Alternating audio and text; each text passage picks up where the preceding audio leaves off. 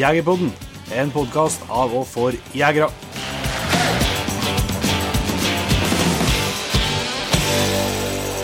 Hjertelig velkommen til en helt ny episode av Jegerpodden. Du hører på Jon Petter Meldingen. Og Jon Ingevik. Eh, Det er jo ikke så lenge siden vi så hverandre sist. Inge. Det har vært ganske det har vært ganske hektiske dager med mye action siden sist vi prata på podkast, eller? Ja, det har foregått mye nå, ja. Eh, Det var jo, som jeg nevnte i, i siste episode, så var det litt tørke på jakta i noen dager her. Men eh, det har tatt seg opp eh, siden sist fredag, ja. Det er bra. Nei, vi skal jo nevne først noen ord om hva, vi skal, hva som er hovedtemaet i episoden her. Vi har fått med oss Stine Hagtvedt, kanskje bedre kjent for enkelte som Jegerstine. Hun Ja. er i gang med et uh, veldig spennende prosjekt uh, i høsten her som uh, ja, Jeg tror ikke vi er alene om å være litt sånn halvmisunnelige på det. Så det skal dere få høre mer om. Stine er utrolig eh, bra dame som eh, har gjort mye bra før Jegerstrand allerede, syns jeg. Men eh, på jaktfronten Jon Inge, så gikk vi jo knallhardt ut fra, forrige torsdagen med årets vinnerjakt i lag med Marius og Robert. Er to uh, patrions som ble trukket ut på den konkurransen vi hadde eh, for dem. Ja, det stemmer. Så vi for jo Eh. til Statskog-terreng eh, på Namsskogan og lå i, ja.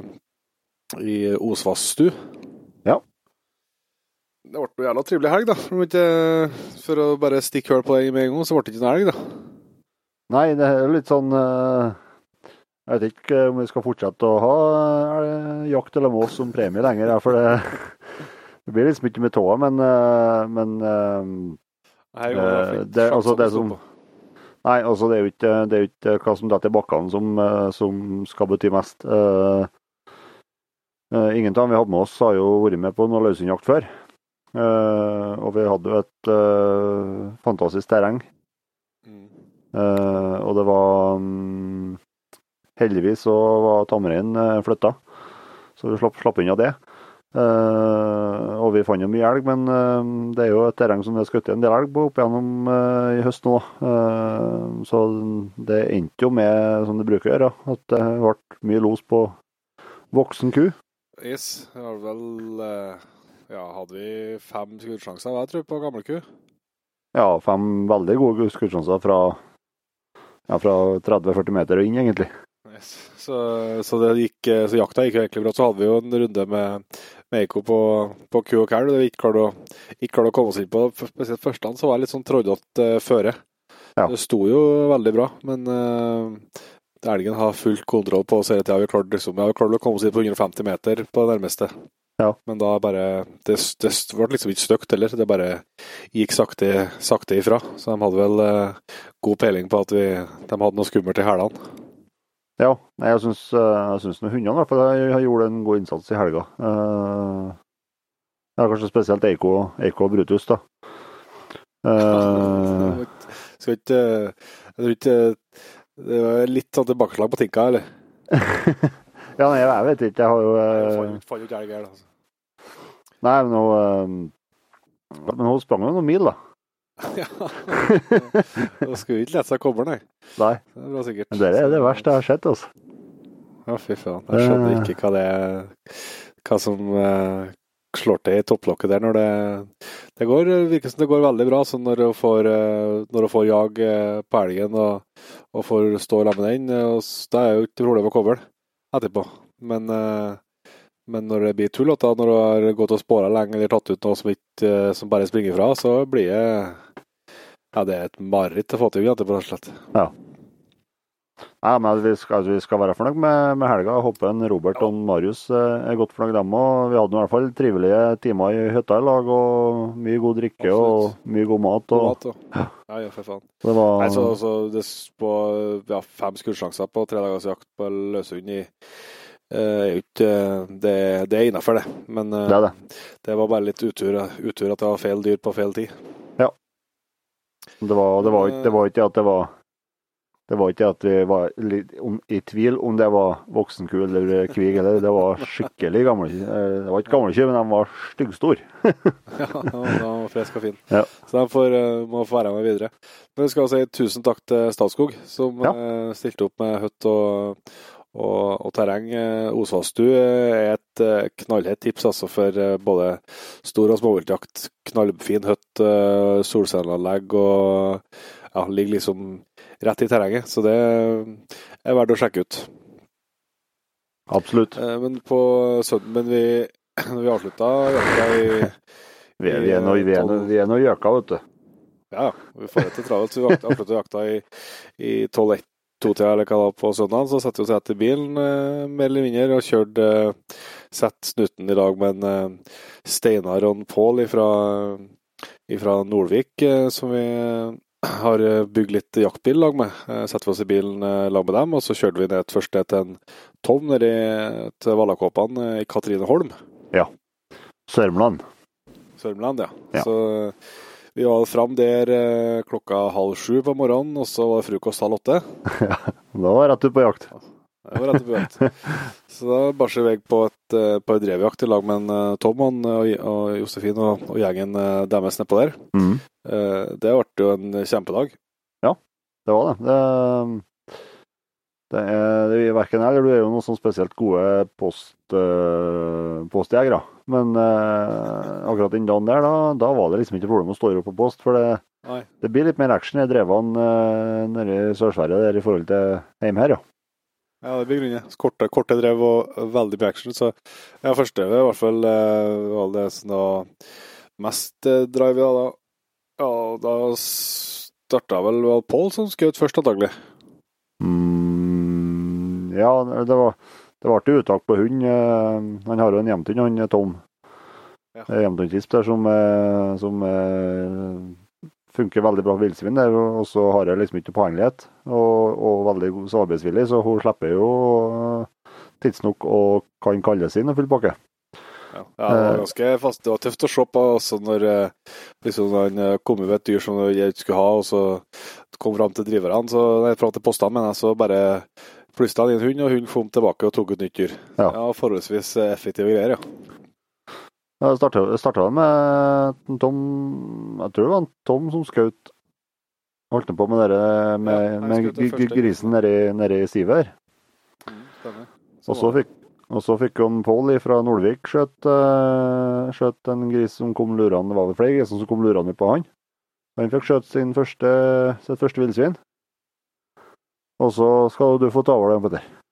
Ja, ja, fikk jeg jo først eh, Det første villsvinet så vel du òg. Det sto et lite tårn der, og så Det var litt sånn frøssig frøssig i, i lyngen. Og så jeg hørte jo at det kom noe fram imot den kraftlinja du sto ute. Ja. Og så Ja, du så vel egentlig grisen før meg, men det kom jo, kom jo nært, nært på meg på 20 meter, så Det hadde vært- dårlig kompis hvis jeg skjøt der, ja. det har ikke blitt glemt.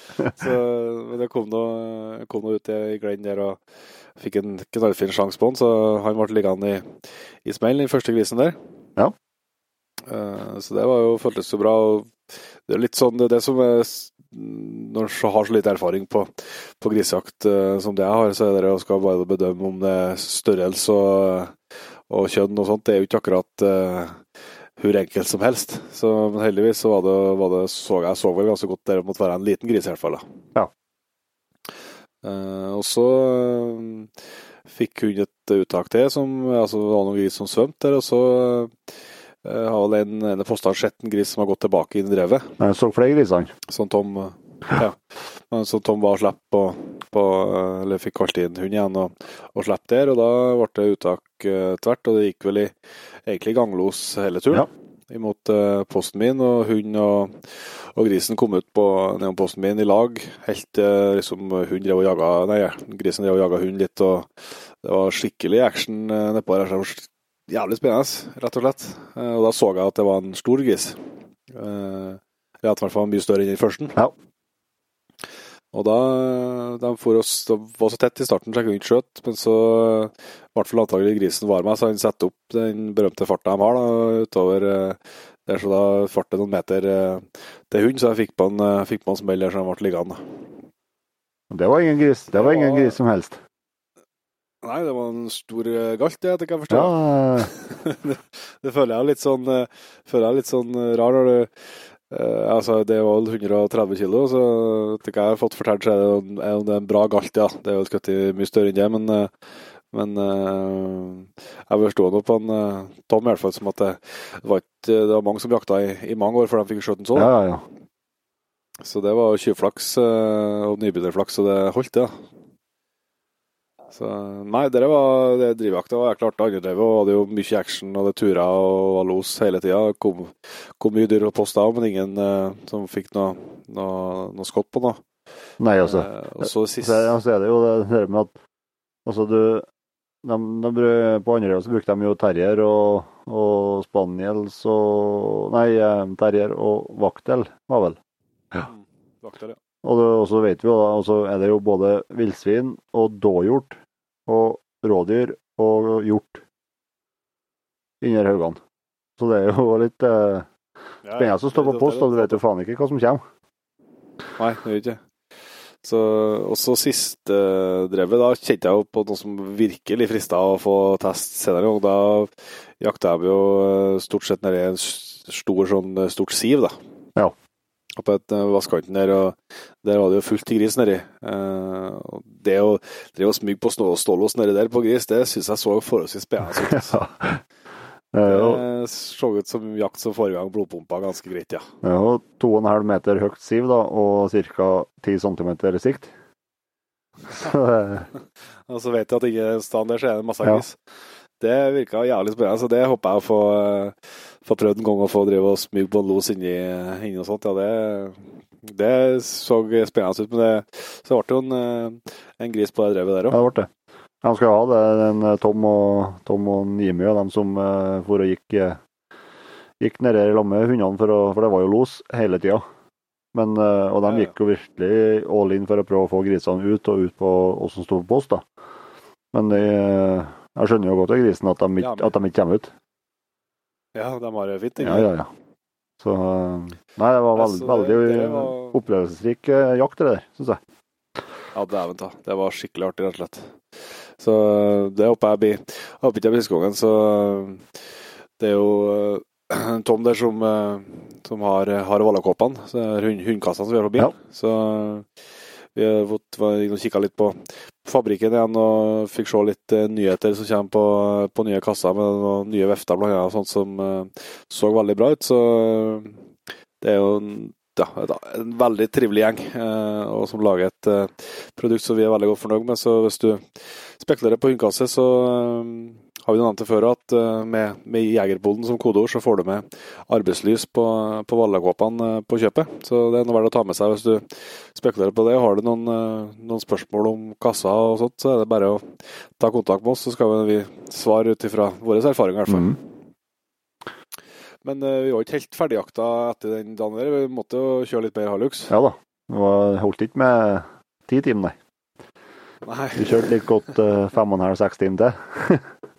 Ja. Så, så langt uh, sør som nesten kommer, nede i Skåne. Jeg var på ja, Det var vel en uh, halvtime, tre kvarter kjøring sør-vest for uh, Malmö. Så der uh, ble det ja, innlosjert på et eh, slott og greier der. Det er jo ikke eh, akkurat eh, det, er ikke, det er ikke jakthyttene vi er vant til å komme til. Nei, det kan jeg sånn. Eh, Men det var jo artig, artig opplevelse. Det en, eh, Scandinavian Pro Hunters, tror jeg de heter, som, eh, som driver der. som har et jævla flott anlegg altså, med, med mye spennende jakt. Det vi var for å jakte, var jo ja, fasan og, og rapphøns og ender, da. Ja. Uh, og litt uh, harry. Og, uh, og driv, drivjakt og, og klappjakt på det. Eh, og det er jo selvsagt noe helt, helt annet enn eh, hva vi noen gang har prøvd før. Ja, Så absolutt. Men eh, det, var noe action, ja. Ja, det ble, Det går liksom ikke an å komme det ble mye skjøting, ja. Det var jaggu meg Det er ikke Jeg tror ikke jeg har vært på fuglejakt før og avfyrt Jeg vet ikke hvor mange skudd det ble til slutt, men det var røkt med noen pakker, ja. Ja, det gjorde det. Så det var, det var om det. Vi bruker vanligvis ikke å ha med henger når vi drar på, på fuglejakt. Det, det berger som regel lenge med sekken. Men der var litt annet, litt annet forhold, så det var Det blir jo ja, kanskje oppleves det mer som, som skjøting enn en jakt, eh, for oss som er vant med den typen vi har. Men, men samtidig så er det jo det er sånn, den, den jakta har jo lange tradisjoner. Uh, og de er knalldyktige som holder på. var jo med massevis av hundførere med, med, både hunder som drev og, og apportører. Uh, så fikk virkelig sett mye imponerende hundearbeid. Ja. Uh, så det var, nei, det, var, det anbefales, det. altså. Det var skikkelig artig opplevelse med noe, noe helt nytt og noe helt annerledes. Så fikk jo kryssa av flere nye arter på, på lista der, både med rapphøns og fasan og, og forskjellig. Så det ja, skal ikke, Kanskje ikke jeg skjøt rapphund, forresten. Skal ikke jeg være for tøff? Nei, det gjorde jeg ikke heller. Jeg prøvde, prøvde én gang på rabben, men det ja. Skal jeg garantere med våpenet jeg brukte, at eh, det ble bakom. For jævlar så raskt de var. Ja, det var jævlig kjapt. Det, det, var jo Det var, det var jo, det var jo fasen når den bare kom opp i fart, men eh, det var jo veldig Altså, det var jeg anbefaler folk å prøve, bare liksom for, å, for, å, få oppleve noe nytt og noe annet. Uh, ja, ja, uh, og ikke minst for, for å oppleve andre jakttradisjoner. For det er tydelig at det var, det var jo det opplegget. Sant? Det var med, med hundførerne som, uh, ja, som gikk og, og drev da, med, med Det var noen ulike spanieltyper og labradorer og forstere. Mm. Også i lag med oss som sto og posterte rundt uh, det her krattet de gikk inn i. Og så sto jo fullt av labradorer. Og, og det er i hvert fall på ene drevet der du skjøt mye ender når du sto nedom der. Det er litt, ja. av, uh, det er litt av en hundejobb der labradorene driver med å hive seg gjennom ja, sivet der og ut og hente renderen. Og... Ja, for faen, det var skikkelig på det. De, de har så sinnssykt kust ut på øynene. Så nei, det var fascinerende å, å, å, se på. Så nei, det det var en, en eh, stor, eh, stor, opplevelse. Så litt sånn, det, det første gang jeg har vært på noen ting der jeg liksom har vært guida på, hadde med guider på et vis. Ja, ja. Jeg eh, har nå vært med og guida litt sjøl på forskjellig jakt tidligere, så var det en ny opplevelse å være på, på andre sida av bordet. Så nei, det var Det håper jeg det kan bli flere sjanser til noen sånn type jakt, for uh, får i hvert fall litt sving på hegla i løpet av dagen. Ja, absolutt. Jeg fikk nå tatt ilddåpen med drillingen til og med. Ja, ja, ja. Du måtte jo eh, da var, der Jeg lurer på hvordan du tenkte du skulle gjøre opp for meg der når jeg skiftet, når jeg bytta bort Coop. Ja. ja, du kan ikke det sjøl når du ble tom for skott. det kan jeg ikke ha noe med å gjøre. Nei, men eh, det var en, eh, en jækla bra tur, og så er det jo bare 16 timer i Hilux tilbake da, fra Skåne, så vi var hjemme i hjem i halv åtte-tida, eller halv ni-tida i morges. Ja. Så podkastinnspilling ennå, så det har gått uh, forholdsvis slag i slag siden siste episode, for å si det mildt. Men uh, det har nå vært verdt det. Men vi skal ikke drygge noe mer med dette, tror ikke jeg vi, vi tar og setter over til praten med Stine. Det gjør vi. Da er det endelig klart for å ønske Stine Hagtvedt hjertelig velkommen til Jegerpodden. Tusen takk. Det Vi har jo minner om deg helt ifra første episode vi skal komme tilbake til. Men uh, at vi skulle treffes på Namsskogan, også i Grøndalen, da. Ja, tenk, her er jeg. Det hadde jeg ikke trodd eh, selv heller, hadde du spurt meg for et år siden.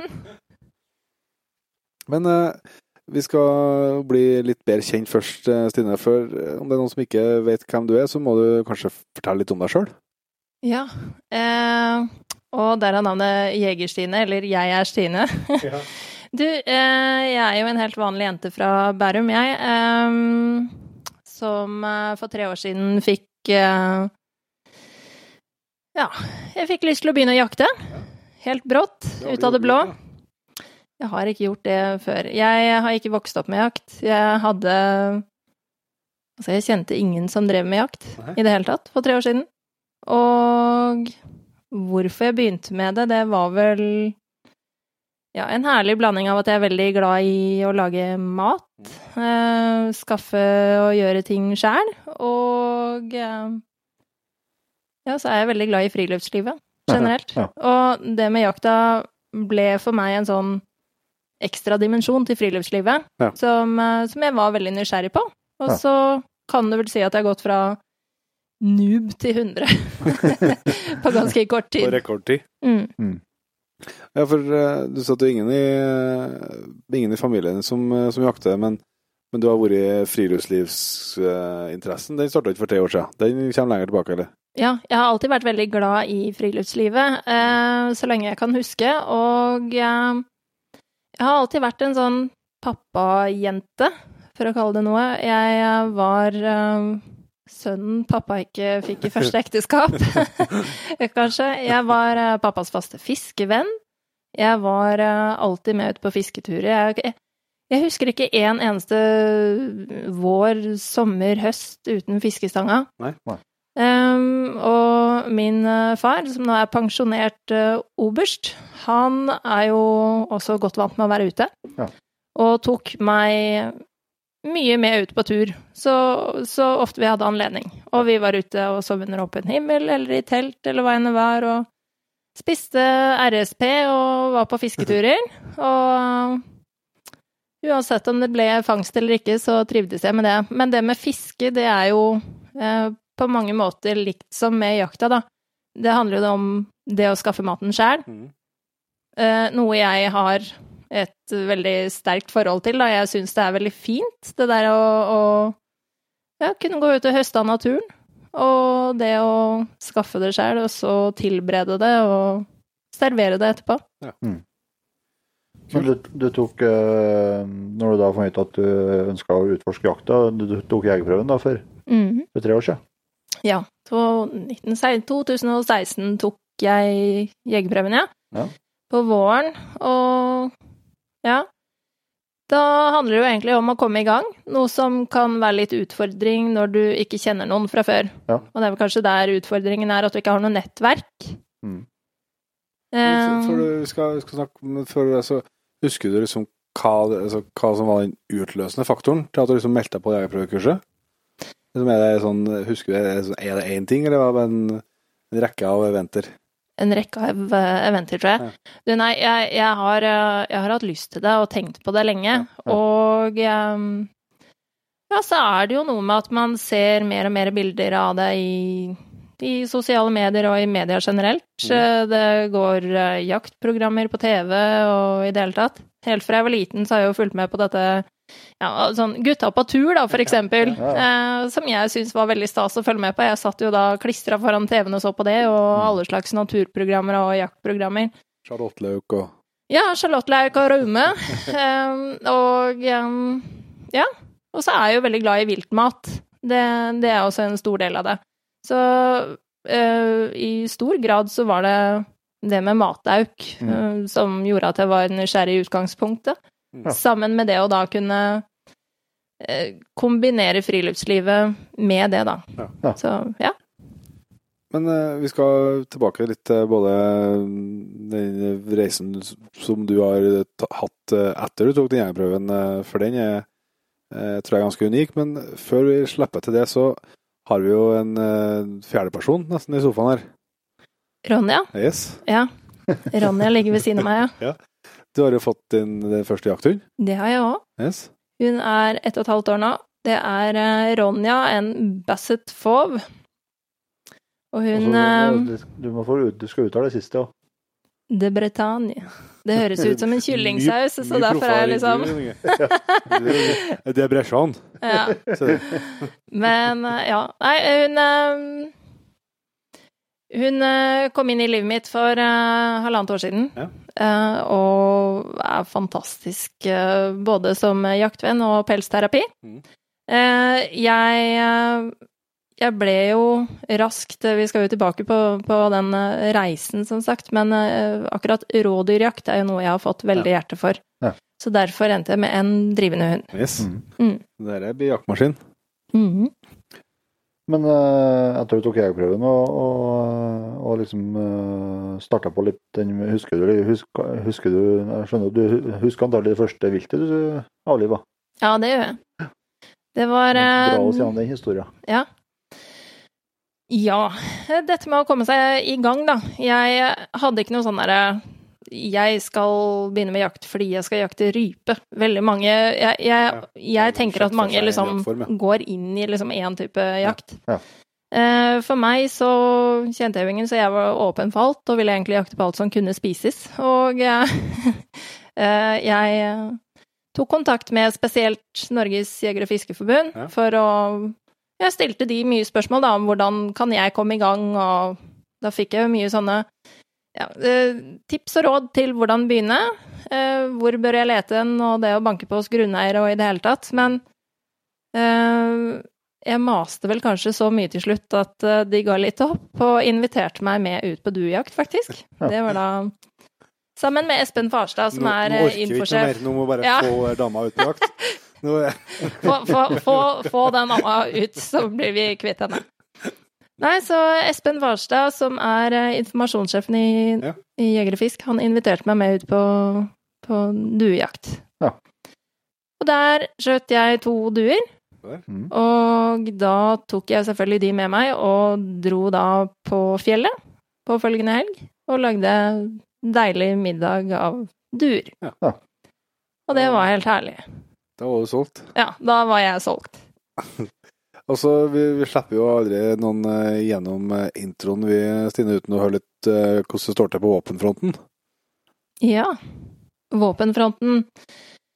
Eh, Jeg kan ta den raske varianten. Første året lånte jeg Ja. eh, for å se an hva jeg ville. Ja, ja. For du må jo finne ut om du vil jakte stort eller smått. Yes. Eh, fant ut at jeg vil jakte begge ganske fort.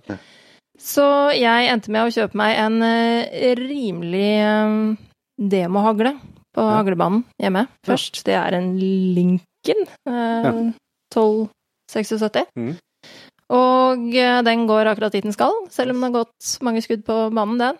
Og så eh, var jeg jo så heldig, da, at selv om jeg ikke har vokst opp i en jaktfamilie, så skjedde det noe da jeg var på min andre jakt. Da ble det ikke noe rådyrfall. Det var da på rådyrjakt med God morgen Norge og eh, Jeger og Fisk. Ja. Jeg falt for eh, reporteren. Det er den korte, korte versjonen. Nå må vi være forsiktige, Ja. Og selv om jeg ikke har vokst opp med jakt, så har jo han faktisk vokst opp i en jaktfamilie. eh, Med både en mor og far som har vært ivrig innenfor jakt i alle år. Mm. Og en far som er ivrig reinsjeger, blant annet. Og etter da et halvt års tid, så fikk jeg den store gleden av å arve den ene rifla til min svigerfar. Ja, det, Det er da en eh, gammel Mauser, Ja. 308. Så nå er du good to go. Nå er jeg good to go. Og i etterkant så har jeg også da kjøpt meg en uh, Browning X-Bolt Ja. 6,5 55. Skjønner. Og en salong. En T-Bolt 22. Ja, Ja. Jeg var- er på å fylle ut våpenskapet bra. da. Ja, det også har jeg Ja, jeg har litt attåt òg. Jeg driver jo med rekreasjonsskyting i tillegg, så ja. Ja, nå var bra våpenklubb til at du er forholdsvis fersk jeger, da. Ja. Det må man jo si. Det er bra, det liker vi. Men du har jo fått hørt litt eh, bakgrunn og sånt på hvordan du starta, hvordan du starta og tok jegerprøven og sånn, men eh, så var vi inne på at du masa på, masa på jeger og fisk. De har ikke klart noe mer. Uh, og så fikk, var du og trefte uh, blink på en litt annen måte på første jakta på, på rådyrjakt. Men, men derifra, du har jo virkelig både bydd på deg sjøl og gjort mye bra for å- Både for å få deg sjøl ut på jakt, men for å rekruttere andre òg. Du har jo starta en blogg, og du starta podkast. Så skal vi ta den podkasten med en gang, da. ja. At, uh... Kom med det, kom med det! vi hører høre det fra dere! Ja.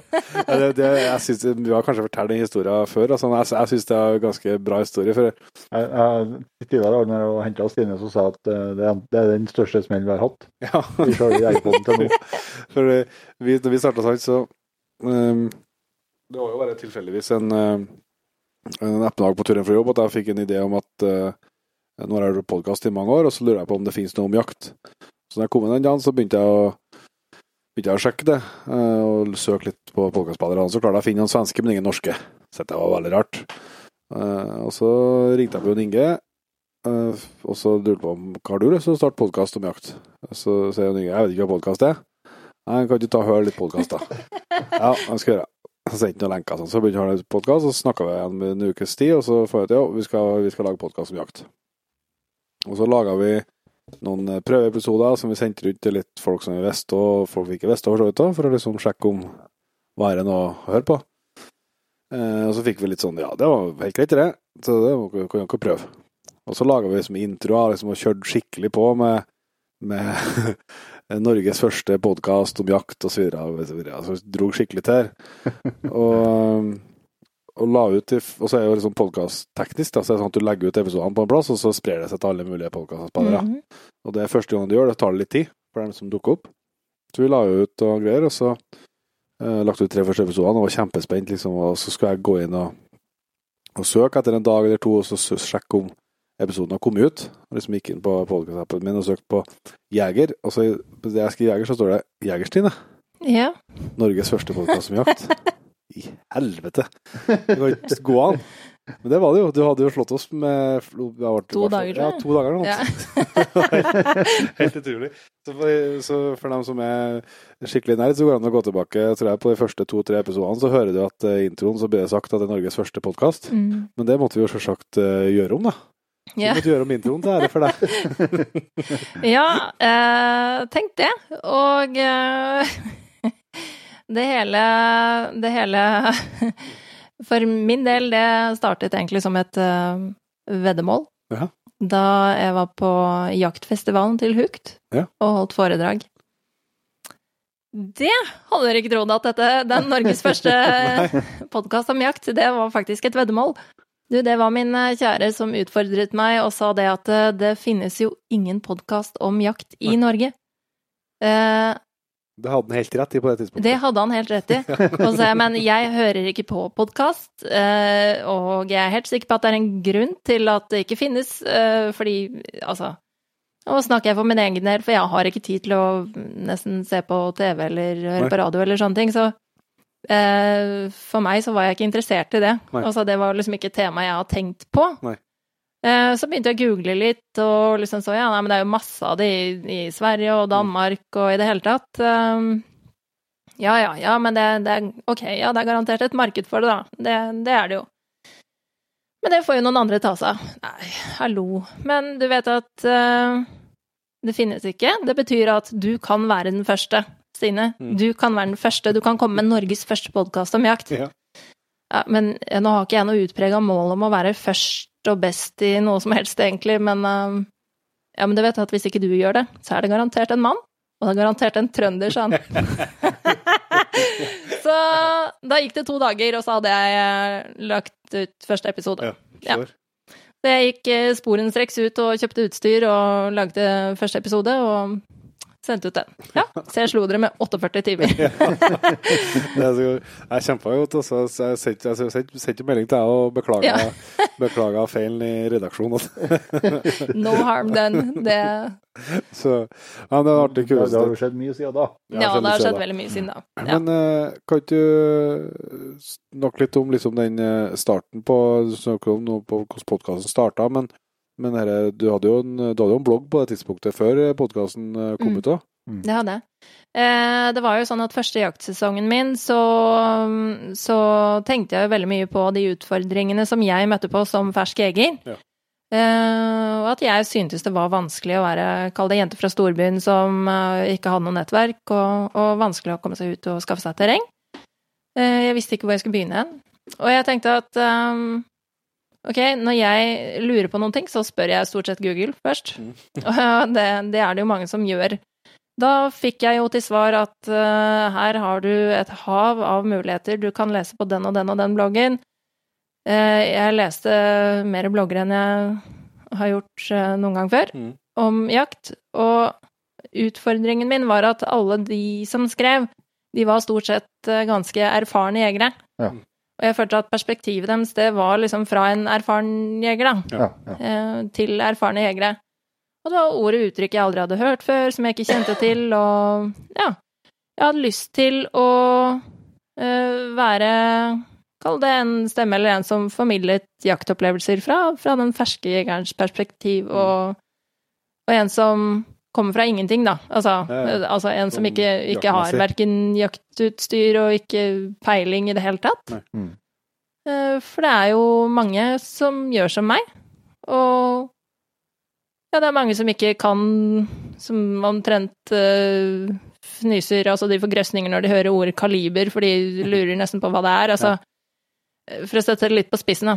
Ja, men altså, jeg tror altså vi liksom uh, Ja, i den konteksten her har vært heldig og, og har vokst opp med det og sånt, så, så har du liksom fått det enkelt. Men det er jo sånn, det er jo ikke noe uh, Hvis man tenker at det høres rart ut, så er jo ikke Alle mennesker har jo tema der de føler seg sånn. Altså om det Mm. For noen er det å gå inn på Elkjøp og kjøpe seg en ny telefon, og så vet du ikke helt hva du spør om, eller hva du skal se etter, eller, Ja. eller altså, For noen er det noen som har lyst til å på jakt, så er det kaliber, som du sier. Så, så sånn er vi jo alle sammen. Det er Mm. jo, og det er jo sinnssykt fort å, å glemme det.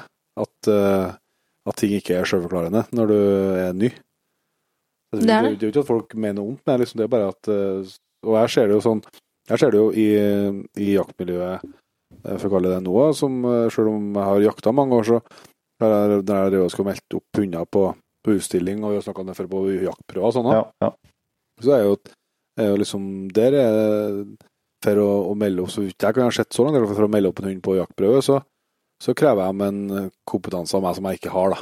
Mm. For det er et eget språk igjen, sant? Altså med forkortelser på hva hund er og ikke er, og, Mm. og klasser og alt sånt, som, som det du bare forventer at, at man forstår. Og så Mm. forstår ikke jeg det. da sitter du og klør deg i øynene og lurer på Så ringer du på noen, da. Men eh, så klart, når du ikke har den, kanskje ikke har den muligheten til å ringe på noen, fordi at du noen kjenner noen i, Mm. i miljøet, så jeg skjønner at det er veldig bra at du brukte den eh, For det er jo verdifull tid, da. Så, for at du har ikke klarer å formidle det samme nå, noen Nei. år etterpå, for nå er det jo en del av gjør, gjør meg sjøl. Ja, Altså, så, så det, det er noe å ta vare på den eh, når den er helt fersk. da. det, det der er veldig viktig. Eh, apropos hund, det er jo en ny, ny erfaring det der også, for min del. Alle de forkortelsene etc.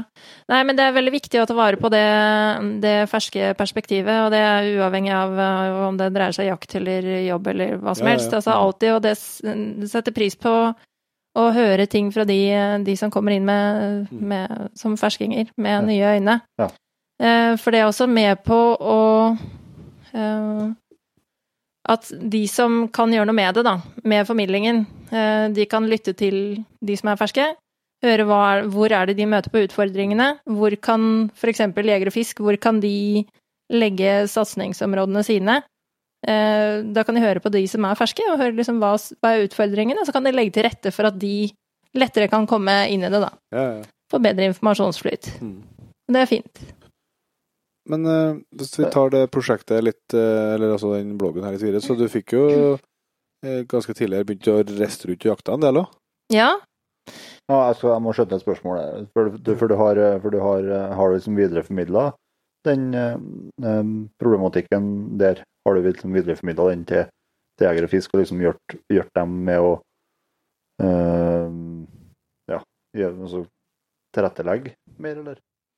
Ja, nå har jeg jo holdt eh, noen foredrag, blant annet. Eh, og eh, jeg ble jo eh, eh, På andre året så ble jeg også spurt om å være ambassadør for forbundet. Ja. Og eh, i, eh, Hjelpe på med oss litt, da. Ja. Ja. Nei, men i den, i den anledningen der, så, så er jo det jeg holder foredrag om, eller har, har hatt fokus på, da, det er jo nettopp det. Hvilke utfordringer var det jeg møtte på, Mm. og hvordan løste jeg de? Og Ja. hvordan kan andre mennesker gjøre det samme? Altså, hva, hva er viktig? Mm. Så på den måten så har, eh, har forbundet også tatt til seg det som jeg har sagt. Mm. Og så prøver de å videreformidle det jeg sier også, både ved at jeg holder foredrag, de videreformidler i sine kanaler, Mm. både på nett og ja, i media. Og så, men du, er litt Jo Jon Inge ble så nysgjerrig, så han klarte ikke å holde seg. Men, men eh, når du begynte å Du for, for rundt der, da. For det er jo, du driver jo og fer, fer rundt i hele landet nå, men du har gjort eh, litt av det før òg? Ja, jeg har det. Jeg eh, bestemte meg jo på andre året for at jeg hadde lyst til å jakte veldig mye mer, ganske fort. Eh, For er det én ting du, du lærer av, så er det jo å komme deg ut og faktisk gjøre det. Det nytter ikke å sitte, sitte inne og tenke at eh, Og tvinne tommeltotter og lure på. Eh, Jeg tror at terskelen, terskelen for å komme seg ut, den er ofte liksom at eh, hvis man er alene, så vet man ikke helt hva man skal se etter. Én ting er selvfølgelig å finne seg jakta. Mm. Så er det det at man lurer på hva man egentlig ser etter. Altså det å gå alene på jakt som fersk jeger, Det, det er ikke lett. Det er det ikke. Men så er det noe med jakt som med alt annet, at erfaring kommer kun ved å bare gå ut og gjøre ting, og Mm. lære av Ja. Bare i Det, ja. Lære av å være i skogen og på fjellet, og ja, da var det egentlig bare å kjøpe seg kort på det som var ledig på eh, Jeg gikk på iNatur, mm. og fant det som var tilgjengelig. Mm. Og reiste ut ganske kjapt. Og så fant jeg ut at jeg da ville egentlig gjøre det jeg gjør nå i dag, eh, som vi kan komme tilbake til etterpå, men det har jo noe med at hvis du skal jakte mye, så går det mye fritid. Det vil si at jeg har brukt all min ferie og fritid frem til i sommer Mm. på um, å besøke alle landets fylker, som var målet, da. Ja. Eh, Jeg er jo ikke helt i land, men jeg har vært i 15 fylker så langt, da. Det er jaggu imponerende, altså. Ja, og da er det jo eh, Altså, det, dette falt jo også i god jord hos eh, Jeger og Fisk. Mhm.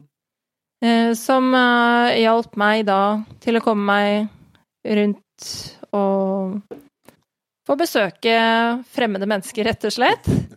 Det er eh, Noen har jeg ringt selv, og mange har jeg fått hjelp til, og det er, det er noe rart med det. Men når du kommer som en helt fremmed person og skal bo på, kall det promperommet til en vilt fremmed fyr, for å jakte sammen en helg Ja. Ja, da Du må gjerne referere til en tidligere gjest, eh, gjest i Jegerpodden her, en eh, Arne Jørstad også. Ja, Arne, ja, Arne Hvis det er han som promper. Nei, eh, Arne og Leif Ove, som jeg har vært på seljakt med, er jo to av, to av de. Mm. Jeg var så heldig å få komme ut på Sør-Solvær med, med de, og jakte sel. Mm. Eh, og det hele føltes nesten som en sånn leirskole, altså, hvor du er en tenåring og du drar på leirskole, og så føler du at du treffer det, er, det er fantastiske mennesker som virkelig blir venner for livet. Heldigvis er jeg voksen og jeg kan jeg, jeg vet åssen jeg opprettholder kontakten, og det er jo lett i dag. Eh, så vi har jo holdt eh, god kontakt siden, og jeg har vært eh, oppe der flere ganger. Ja. Eh, og det som er så unikt, syns jeg, med jaktmiljøet, som jeg har blitt ekstra glad i, det er liksom det sosiale. Eh, det hadde jeg ikke ventet. Jeg hadde ikke tenkt over det. Det var ikke, det var ikke et element som jeg kall det hadde, hadde som bakgrunn for å begynne med jakt, da. Nei.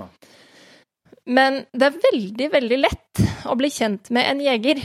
Det er veldig lett å skape fine historier sammen, Mm. fordi man er ute hele dagen, man må samarbeide.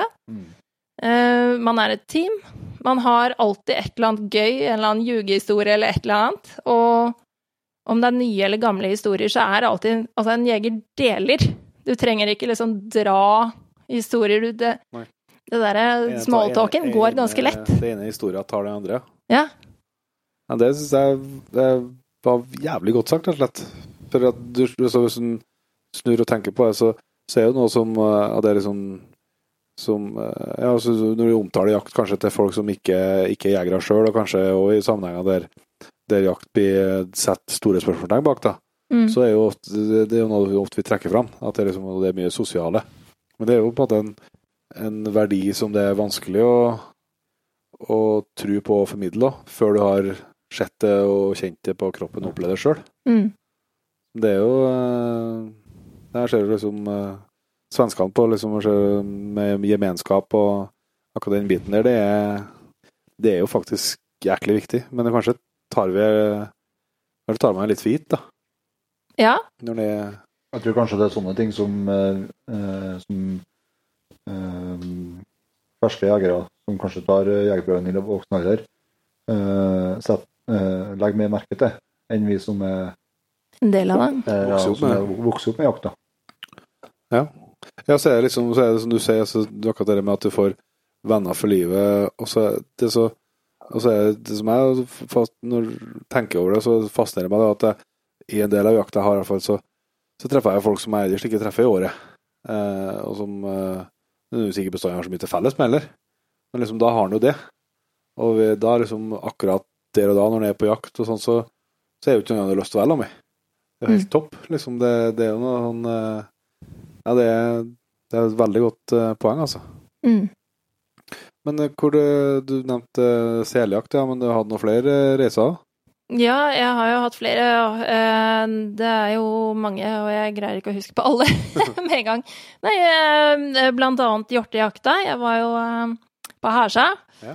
på Nordmøre hos eh, Jonny Henden og eh, laget der. Det Jeg fikk jo ikke skutt noe hjort der eh, første året, men jeg var tilbake der året etter, og eh, det var da i fjor. Ja. Da fikk jeg skutt eh, to. Så bra. Veldig, veldig bra. Og han er jo også engasjert i Jeger og Fisk, Ja. instruktør. Og han er eh, også et fantastisk menneske, altså inkluderende. Jeg bare tenker sånn, her kommer en eh, vilt fremmed som de, de forestiller seg som en sånn rosablogger fra byen, ikke sant? Og så kommer det trampende inn en litt sånn uvøren eh, eh, rappkjefta kjerring. Ja, men eh, de åpner dørene for et vilt fremmed menneske. Jeg får bo hjemme hos de og eh, spise deilig mat, jeg får servert vilt eh, som de har jakta, og ja, den gjestfriheten er helt fantastisk. Å få lov til å være med og jakte. Og folk En annen ting som jeg også syns er så hyggelig, og som jeg kjenner på selv nå også, det er den der at ehm, veldig mange som da har vært i gamet lenge, de har en enormt stor glede av å se eh, ferske jegere lykkes. Så de legger veldig mye til rette for at nye jegere skal lykkes. Mm. Og det setter jeg utrolig stor pris på. Ja. Og det, det kjenner jeg selv også, at eh, altså hvis jeg er, er sammen med da andre hvor det er noen som ikke har felt det viltet, da, Mm.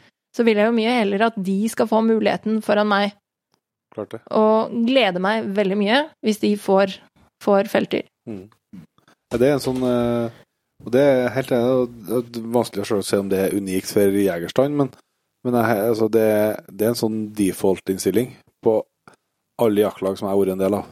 Mm. At uh, både at liksom at, at tøylene er litt uh, Men at liksom man passer på at den får den beste posten og, og eh, får liksom alle, legger til rette. Og så er jo Vi hadde jo en opplevelse på jaktlaget vårt nå i, i høst, der en fikk skjøtt inn første elg. Og det var jo sånn Da har vi jo skutt i tre storokser på det laget i høst. Men det var jo ingen av de dagene som kan måle seg Nei. med, med den dagen der. Men sånn at det blir sånn glede. Ja, helt utrolig. liksom, å bare ja, det var jo kjempe Kvelden ble jo styggere, rett og slett. Så, Mm. så det, det, altså, det, er helt, det, det, det er helt eget. Så det er, ute, Jeg vil ikke skal egentlig at det skulle være sånn når vi snakka Det var det ikke målet eller tanken det skulle være sånn at du sier hvordan du opplever det, og så skal vi bekrefte at det sånn er det. Men det, det er jo på at For nå er det jo ikke en eh, fersk jeger eh, sånn sett lenger, selv om du ikke jakta så mange år, så har du jakta så mye at du har jo begynt å få eh, mye erfaring på, på svært kort tid. Men eh, det er jo Du blir jo litt sånn glad da, når du hører at, eh, at dere tingene der stemmer. Mm. For det er jo Ja, det er jo så verdifullt for, for jegere. Og så tror jeg vi skal, skal komme litt tilbake til. Jo, vi helt klar- bestandig klarer å, å gjenskape det der digitalt, da, eh, oss jegere imellom. Men eh, det er i hvert fall bra at det funker sånn når vi treffes i skog og mark, da. Mm. Men hvis vi går litt over nå eh, For at du kalte jo det her første liksom, prosjektet 'Jakten på Norge'. Ja. Men det er jo nå du virkelig er i gang med det, eller? Ja, det heter stadig Jakten på Norge. Mm. Du, jeg finner ikke noe bedre. Eh, Det som er det, Jakten på Norge, det omfavner veldig mye, og det, det er som jeg sier, altså det, det er ikke, handler ikke bare om jakta som i, i skuddet eller fellinga, men, men alt eh, Ja, alt eh, som jakt er for meg. Mm. Eh, og det at jeg da begynte å bruke ferie og fritid på å reise rundt og jakte og besøke de ulike fylkene, det er jo én ting. Eh, så har jo egentlig den store drømmen hele tiden vært å kunne um, ha litt større frihet, da. Kunne være på en sammenhengende reise, kunne jakte og nyte friluftslivet på, på lengre basis. Ja. Så jeg satt en eh, glad vårdag i april i år og nøt en kald pils på Salt i Oslo og sa at nå Pokker heller, det skjer jo ikke noe før man gjør det. Jeg vet det er vanskelig, men jeg gjør det. nå skal jeg ta og søke permisjon fra jobben i et halvt år. Og så skal jeg jakte i et halvt år.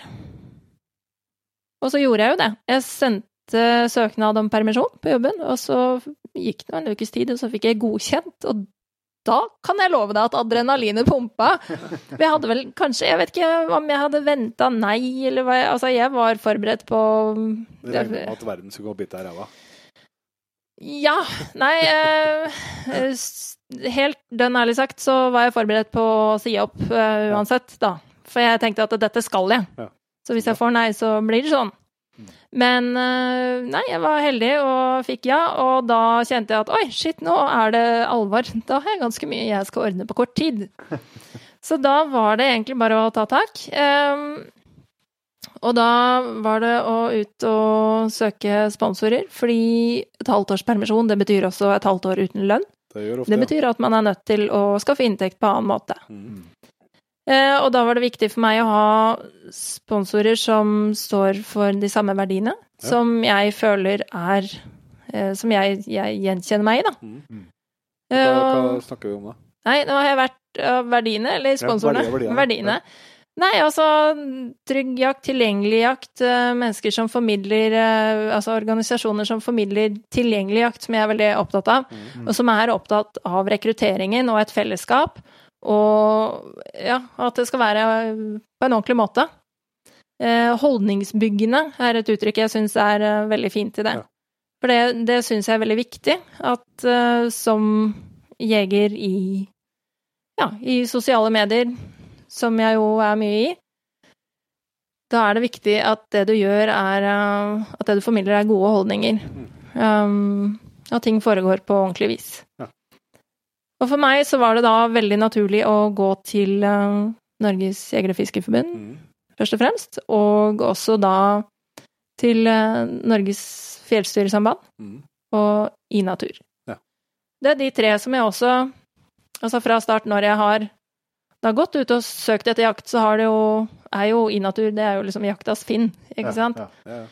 Eh, så det var naturlig på den måten at der finner du jakt. Mm. Der kan hvem som helst gå inn og finne seg jakt. Det er også noe jeg har snakket om i foredragene mine. Liksom, når du skal starte, hvordan finner du jakt? Ja, da kan du bruke blant annet det. Og du kan stille spørsmål til forbundet. Eh, og også en stor tilbyder av jakt er jo Fjellstyret, som, som har mye jakt tilgjengelig. Som er til greie priser. Yes. Eh, for det skal sies at um, altså jakta har jo ulike priser litt rundt omkring. Um, og for meg som er en uh, ja, en eh, småbarn blir jo feil uttrykk, for hun er jo ni år, men jeg er jo mor. Jeg har en hverdagsøkonomi som skal gå rundt, og jakt er ikke gratis, uansett hvordan man vender og vrir på det. Så det var greit å Altså, jeg, jeg syns det er fint med jakt som er til en fornuftig pris. Mm. Så ja. Derfor syns jeg at dette var riktig, riktig valg. Veldig bra. Men eh, så når du fikk uh, sponsorene hva med liksom sånn Jeg tenker litt, som, litt sånn opplæring, for at jeg vet jo både med meg sjøl og sikkert mange som hører på, at den, eh, det du- prosjektet du er i nå, den drømmen du lever ut der, den er den er det mange som, som kjenner på. Mm. Eh, Hva mer sånn, sånn praktiske greier du har lyst før du, før du dro, da? Eh, nei, det, det gjelder å kutte kostnader. Jeg har avskilta bilen og leid ut uh, leiligheten for å kutte kostnadene. Ja. Ehm, og så er det jo det å sette seg ned og finne ut av hvor du skal dra hen. Og det å prøve å finne ut av en slags rute, uten at jeg har en satt rute. Eh, det, det er en klar grunn til. Fordi det jeg vil formidle, det er som sagt den tilgjengelige folkelige jakta. Jeg ønsker ikke at det skal være et ekstremt prosjekt som handler om uh, Naked and afraid, og Stine er alene i ødemarken, og hun kommer til å dø hvis ikke hun skyter rype i løpet av en uke, ikke sant? Med cliffhangers? og- Ja. Nei, det, det er eh, Nei, det, det vil jeg ikke. Og det er heller ikke noe, noe mål i seg selv å snakke om hvor langt jeg skal gå, eller hvor jeg skal gå, fordi jeg følger jakta. Mhm. Utfordringen da er jo at jeg vil jakte over hele landet. Eh, altså, jaktsesongen den er jo sånn at den går mot vinteren hvor det blir kortere og kortere dager. Det blir mindre og mindre lys. Ja. Så da var det første jeg lurte på, var eh, hvordan løser jeg det? Altså starter jeg sør, starter jeg nord, start, hvor skal jeg starte hen? Mm. Skal jeg gå med lyset mot lyset? Eh, hvor er det mest eh, fornuftig å starte i forhold til jaktsesongen, ikke sant? Jeg, jeg tenker jo sånn Nordpå så har du jo fantastisk eh, småviltjakt, og så har du elgjakta, men det er færre jaktbare arter av hjort hjortevilt. vilt. Mm. derfor var det naturlig for meg å starte sør, Mhm. med bukkjakta. Mm. Så jeg startet i Farsund med bukkjakt i var, liksom, det, tidlig var, august. det var startskuddet på prosjektet. Det var det. Ja. Eh, en annen utfordring er jo at når du primært skal bo i telt eller på buer og du skal være alene, så er det ugunstig å jakte storvilt. Mm. så, så det var greit å gjøre seg ferdig med den først. Ja. Så jeg startet da med bukkjakta der vi hadde med datteren min i Farsund. Um, for å ha en hyggelig start med henne. Ja. Og så ble det reinsøkta, uh, som var i Sunndalsfjella. Uh, da hadde jeg bil, sånn at hvis jeg hadde felt Før avskilting? avskilting. Det var en uke før avskilting, for hvis jeg hadde da felt regn Nå så jeg jo ikke noe regn på den turen der, men eh, eh, det hadde vært fryktelig vanskelig å skulle transportere det på en, eh, på en fornuftig måte, eller forsvarlig da i forhold til behandling av kjøtt også, eh, uten bil. Og så ble det sånn at elgjakta, den, den eh, fant sted i Vadsø. Ja. Eller et lite sted som heter Krampenes, mellom Vardø og Vadsø i Finnmark. Et lite hopp der, da, med andre ord. Ja, et lite hopp. Men da har jeg altså dekket Sør, Midt-Norge og Nord-Norge. da har jeg faktisk tre sånne. Da, da, da, den er veldig grei. Eh, men Finnmark fristet fordi elgjakta der er litt spesiell, Mm. og det hadde jeg veldig lyst til. Og så fikk jeg mulighet til å være med en, eh, en kamerat der. Var det bra elgjakt der, eller? Det var kjempebra. Der også hadde jeg med datteren min, og eh, det fine da når du drar med mennesker du kjenner, er igjen, de legger til rette også. Det er mennesker legger til rette for at det skal bli en fin opplevelse, både for store og små. Og eh, ja, det ble veldig fint. Det ble jo full eh, fangst. Selv om jeg ikke fikk skutt selv, så fylte de jo kvota. Mm. Det var veldig gøy. Så bra. Og så har du dratt litt, dratt litt sørover etter det igjen, eller? Etter det så var det eh, Neste på agendaen, det var eh, Troms. Ja. Og jeg startet med å gå et godt stykke av Senja, fra nord mot sør, Mhm. eh, ned til Ånderdalen. Da var det på jakt etter rype. Mm. Og jeg kan si det sånn at jeg startet med en natt oppe på Segla i helt eh, nord, og der gikk jeg opp noen fine kull på vei opp. Mm. Der hadde jeg ikke jaktkort.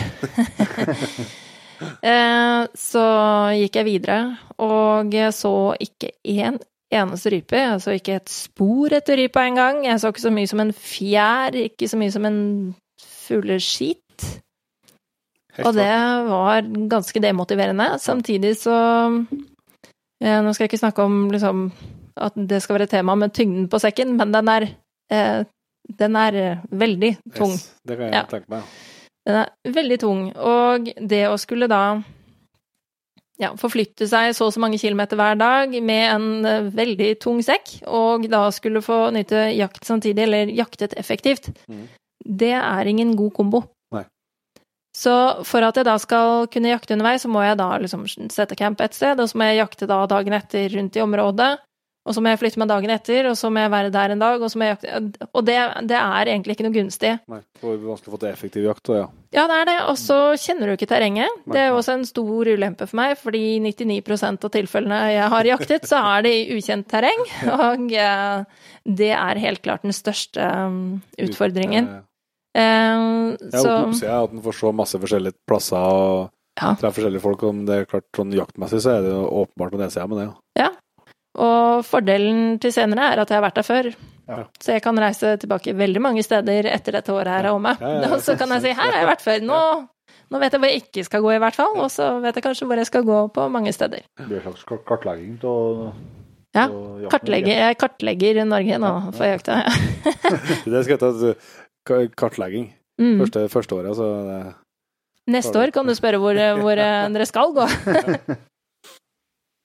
Ja, altså, men hva har du Var det neste punktet her, eller var det hadde noe mellom Senja her? Du, jeg eh, er jo født på Finnsnes, så det var jo grunnen til at jeg ønsket å, å starte litt der, da, på den neste etappen her. Eh, Så jeg, jeg startet eh, på Senja, og så fikk jeg bo hos min gamle dagmamma, som bor i Lavangen. Oi. Eh, Og fikk jo også låne bil, og jeg fikk låne bikkje for en dag, og, og dro opp i Dividalen og jaktet eh, der. Ja. Der fant jeg, eller Feke, som han het, fant én rype etter eh, fem timer. Og det var én. Ja. Og når det sitter én rype, og den har jeg på vel fem meters hold eller noe sånt, så tenkte jeg jeg skyter ikke den eneste fuglen som Altså, når jeg ser én rype på all den tiden her, så skal den få lov til å fly videre. Så respekt av det, da. Ja, det, det, akkurat den skulle bare mangle. Altså, det, ikke, det var ikke noen ting i meg som sa 'skyt' der i den situasjonen. Så Men sånn, eh, sånn er det jo. Da så jeg i hvert fall fugl. Men eh, jeg skal innrømme at eh, jeg har vært litt demotivert etter disse ukene. Ganske demotivert til tider. Og også samtidig innsett at jeg savner storviltjakt. Ja. Mm. Men også spesielt rådyrjakt for um, på grunn av bikkja. Klart det. Så Hun har hatt med deg hele ja, hun hele er med meg hele turen. Mm. Eh, minus på elgjakta, da var hun ikke med. Men uh, ja. Hun er med, som pelsterapi og, og turvenn. Ja. Mm. Det kan ikke være så mye fart eller eh, mye Nei. underholdning til på kveldene, da, men Nei, nå er hun ganske utslitt. hun, er, hun er en liten snorkfrøken også. Ja. Nei, så, så skulle jeg nå videre, og um, det, det eneste pausen derimellom har jo vært at jeg, jeg hadde et lite sammenbrudd på Senja. Jaha. Eh, Jeg, jeg Jeg sto midt på fjellet der og knakk sammen og begynte å grine og le samtidig, og tenkte at jeg kan ikke vente lenger! Dette har jeg hatt lyst til kjempelenge! Nå må jeg bare gjøre det. Som alt annet, det, det må ikke vente. Hvis du føler at noe er riktig, så skal du bare gjøre det. Uh, og den historien den er sånn at ti minutter senere bestiller jeg fly hjem til Oslo. Eh, med avreise da en uke senere fra den dagen. Mm. Og reiste hjem til Oslo og fridde til min eh, kjære. Gratulerer. Jo, takk. Og så fløy jeg nordover igjen. Ja. Ja. Og så var det da bussen fra Narvik og da ned til uh, Fauske, og tog derfra til Namsskogan. Yes, velkommen. Jo, takk. Og her er jeg, da. Så nå har jeg vært fra torsdag til uh, i dag, søndag, på en trivelig liten bu, Stordalsbua. yes. Og der har jeg jaktet rype og skogsfugl. Der var det litt fugl å se, kanskje? eller? Ja. Der fant jeg faktisk rype, og det var i dag. Eh, det var jo um, det, det, det, var motiverende, for å si det pent. Og selv om eh. Ja, ja men det, det var helt nydelig. Altså, jeg fikk jo latterkrampe bare av det. Altså, det kilte i magen, og jeg var liksom Hiawata igjen. Det var, det var helt nydelig. Så, men det er jo det er klart det er vanskelig når du går uh, støkk alene på rype, på snø med Kan vise dere bildet etterpå. Herregud, jeg hadde jo isklumper under beina. Det så ut som jeg hadde fått sånn rullesko. um, men eh, rypa letta på sånn 40-50 meter. Ja. Uh, og ja. Så det ble ikke noe, ble ikke noe skuddsjanse. Men jeg så mye fugl, og det er digg. Ja. Det hjelper på å Ja, fylle på motivasjonskontoen. Etter Ja. så mange uker med tomt uh, terreng, så var det helt nydelig. Men uh, skal dere foregra fram til jul, eller? Til februar. Februar, ja. Mm. Hva, det, hva som hva, Jeg skjønner at kanskje ikke alt er helt sånn detaljplanlagt, men hva er det som gjenstår? Hva, hva du har framfor deg nå? Nå blir det eh, next up, det er rådyrjakt. For Ronja sin del så Ja. trenger hun å, å få litt erfaring, Mm. rett og slett, og det er viktig.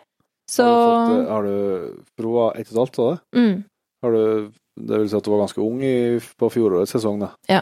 Fikk du sluppet henne da, eller? fikk sluppet henne noen ganger i fjor, og hun hadde noen finloser, men ja. ikke fått noe fall for henne. Det tror jeg blir til vekkene. Ja, det nå håper jeg. skal du til Frosta.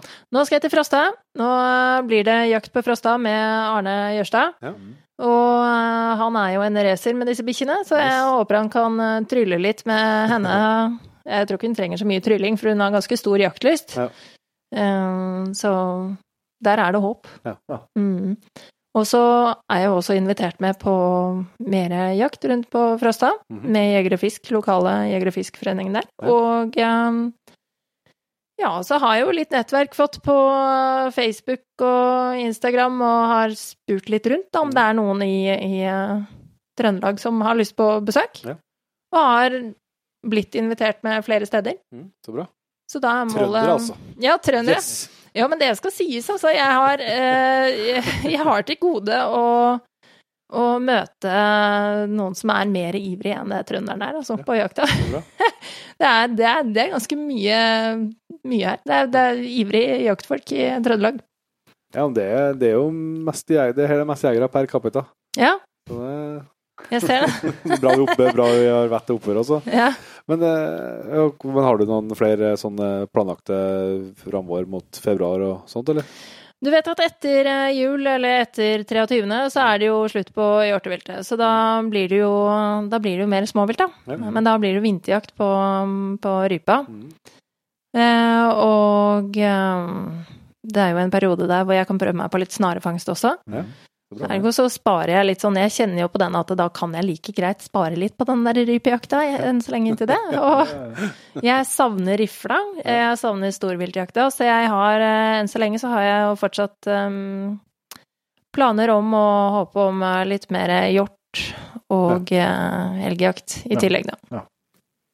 Ja, men Det blir spennende å høre hvordan det Jeg må si at jeg tar av meg hatten for eh, det valget du har gjort, da, som å virkelig leve ut den eh, Ja, som sagt, jeg har den eh, akkurat Eller om det er akkurat samme, det tror ikke jeg, men altså den drømmen om å kunne jakte en hel, eh, i hvert fall en hel høst, den sitter dypt i meg. Altså, så, så det når du forklarer hvordan du gjør det, så skjønner jeg at det er masse tøffe valg her. Og, og det, det er mye orging og sånn, men samtidig, så, hvis en da tenker på liksom, hvor absurd lite et halvt år er av et helt liv. da. Mm, Det, det, det, det, det er bare et knips, liksom. det er det. Og så, og så hvis en kjenner på den drømmen, så selvsagt må en gjøre det. Mm. Men det er liksom så jævlig få som tør å gjøre det. så Det er imponerende, altså. Jo takk. Det er egentlig ikke så veldig vanskelig, annet enn å bare gjøre det, som vi sier. Nei, Det vil si, det er mye rigging rundt det, Jo, men jo, klart det, det er klart det man må bare gjøre det. Men, øh, men det er jo det er jo det er antagelig ikke umulig for noen. Og så er det selvsagt ulikt hvor mye hvor mye org det er. Ja. Eh, sånn at du kanskje noen må bruke Noen får det til å planlegge det på et halvt år, og noen trenger ett år, og noen trenger fem år. Mm. Men vil du jo, så, så går det jo. Ja, der det er vilje, er det vei. Jeg har jo um, eh, jeg har jo veldig eh, gode mennesker rundt meg som hjelper meg til å gjøre det mulig, da. Altså, jeg har jo um, pappaen til eh, min datter, min, Ja. min eh, kjære eksmann, som er eh, fantastisk og stiller opp, for det er klart at hun, hun er jo hos eh, sin far nå. Mm. Eh, og så er det jo min eh, kjære forlov, da, som også hjelper til og organiserer, og familie og svigerfamilie som har gjort at Altså, jeg har jo tømt leiligheten for ting. Det, alle de tingene må jo et sted. så jeg har jo fylt opp lageret, fylt opp garasje og bod og i det hele tatt, både her og der. Og jeg hadde jo ikke klart det uten den hjelpen. Nei. Så det, det er jeg veldig, veldig takknemlig for. Fantastisk. Men uh, har du noe sånn uh, litt om bakgrunn for at du ønsker å, ønsker å gjøre det du gjør nå, men har du liksom noe, noe uttalt uh, mål så, som i, i bakevja på vis av det prosjektet, eller? Nja, hva skal det være? Å vise at en, en, en avdanka mor fra Bærum kan gjøre det, så kan alle gjøre det. Nei da. Uh, nei, det eh, Du, det handler egentlig om det å vise at drømmen er mulig. Eh, og når det er sagt, så er ikke dette Selv om jeg deler dette og har valgt å dele det, og jeg har jo med meg kamera og dokumenterer underveis, noe som for øvrig er en historie for seg selv Ja, så vi, tar, vi, har god plass til den. Ehm, men jeg hadde jo gjort det uansett. Ja. Så for meg så er det Det er liksom ikke noe mål i seg selv, den derre Og nå skal jeg lage noe svært og stort som skal være fancy. Altså, på ingen måte, fordi igjen så handler det om å, å være nøktern og vise at, eh, at dette det, er- det er noe som alle kan få til. Mm. Ehm, uten å være stor og barsk og sterk og i det hele tatt, men bare bruke huet litt og være smart, da, og ta kloke valg og, og ja. Ikke være naked and afraid. Men um, Ja, men hallo, har dere sett på Naked and Afraid? Nei, det Nei, det er jo fantastisk uh, realityshow på Discovery, tror jeg det er. Hvor ja, det vi har sett så, som jeg tipper er tilsvarende med Deadly Sketch og Ja. Truckers og Ja, ikke sant? det Blir sluppet av på Yes. et ukjent sted og skal overleve naken i Ja. villmarken og bare jakte. Ja.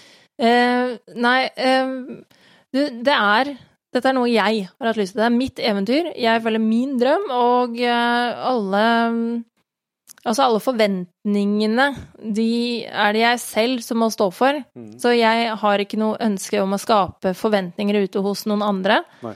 Uh, det, jeg vet ikke Mange vil kanskje tenke er det for, fordi du er redd for å skuffe noen? Og så tenker jeg nei, det hadde det hadde jeg sikkert gjort hvis jeg hadde skapt forventninger der ute, fordi det er å være menneskelig. Hvis man et eller annet sted på vei går på en smell, eller ja, om det er følelsesmessige grunner eller fysiske grunner, altså må, må uh, gjøre endringer i planene. Men det er, jo, det er jo hele poenget. Mhm. Det er nettopp det som er greia. Det er, det er ingen som kan ta meg på noe! Nei, nei, nei.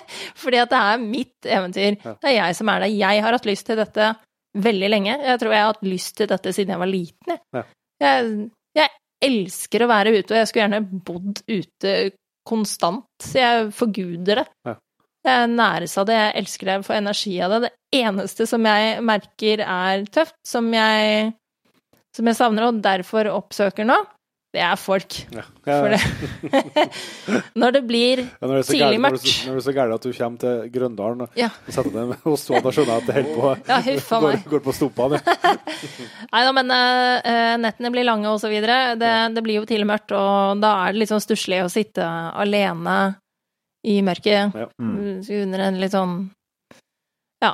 Det er litt, litt stusslig, da, på en fredagskveld, og kjenne at du sitter alene fra fire og til du skal stå opp dagen etter, Mm. og så ikke ha noen å prate med. Det er klart det. Alle opplevelser blir sterkere av å deles, og det, det Sånn er det med dette òg. Men det, det, er jo, det er jo viktig å poengtere der at det er Det er jo noe som alle kan gjøre. Ja, det er det. det, er jo det, det men det, det handler jo om prioriteringer. Mm.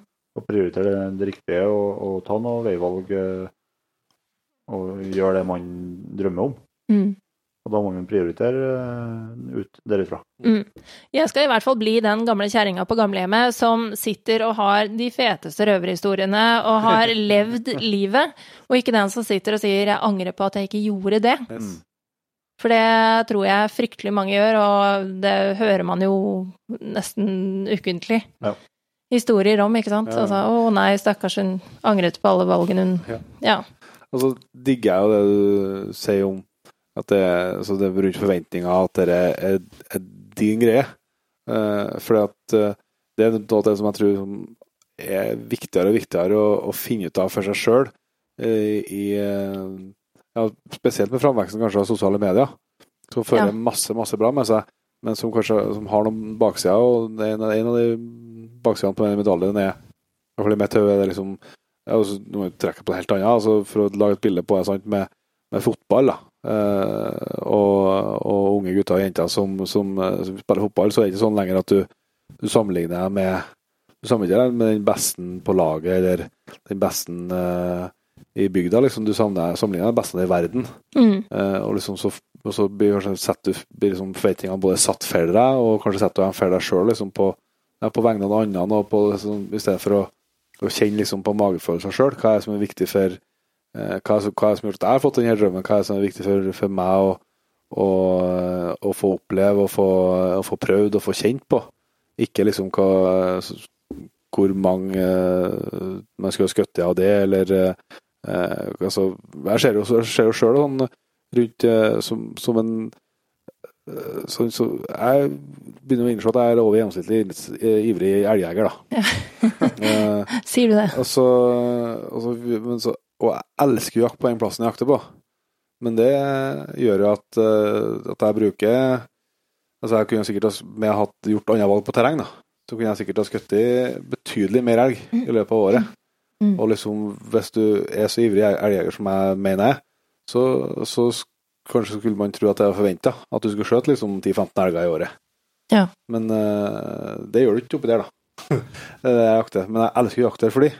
Og jeg har ikke noen forventning om at jeg skal skjøte noen elg, det er liksom noe med Men akkurat det å være der, og det å ha hund løs der, og få oppleve det, er liksom det greia, det er greia for meg. Det er liksom det ypperste jeg kan få av, av den jakta.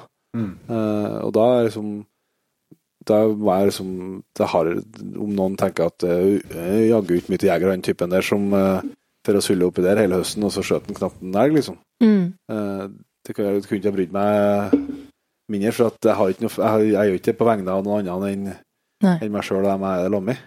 Det er så utrolig viktig. Eh, og det er også en eh, Altså, det er også viktig for meg å vise og formidle at jeg, eh, at jeg ikke liksom bare legger ut noe i sosiale medier når jeg har fått noe.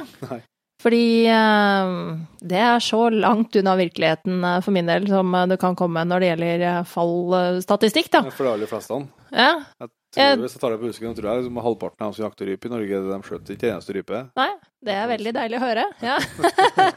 Ja. ja, men det gjør jo noe med motivasjonen når det går så lang tid, og så ser du ingenting. Og så, og så får du jo det du eh, Bakdelen og fordelen og alt dette her med sosiale medier er jo at eh, Selvfølgelig, du får jo mye tips og råd, men når du får den der at du går for høyt, eller du går for lavt, eller du burde gå sånn, eller du burde Altså, hva gjør du feil? Fordi jeg gikk der forrige uke, og der fikk jeg masse, ikke sant? Så er det sånn Ja, men hva, jeg er ikke deg. eh, Jeg går her jeg er. Jeg har jaktet i tre år. Jeg gjør ting på min måte.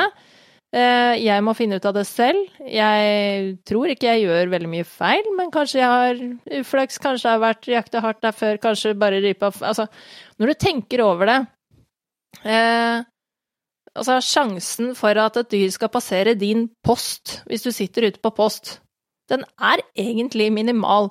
Hvis du har et jaktlag som er plassert ut på ulike poster, Mm. du kan jo ikke akkurat bestille en elg på den spotten der den dagen. Nei. Denne elgen hadde ikke lyst til å gå der den dagen. Ja, så ble det kanskje ikke noe på den dagen i det hele tatt på laget, eller kanskje den falt for posten ved siden av, eller ja. Altså, jeg sitter jo ikke og er deppa av den grunn. Nei. Det er jo hvis eh, jakt hadde vært på bestilling, liksom, altså da hadde det jo ikke vært jakt. Nei, det hadde ikke vært interessant i det hele tatt. Nei. Nei, veldig bra. Eh, men eh, nå har vi jo sånn blitt litt eh, blitt godt kjent, vi har fått eh, snakka om den fantastiske reisen du er ute på nå, Stine. Men så litt sånn, Vi var kanskje litt sånn inn på litt sånn kryss og tvers her, men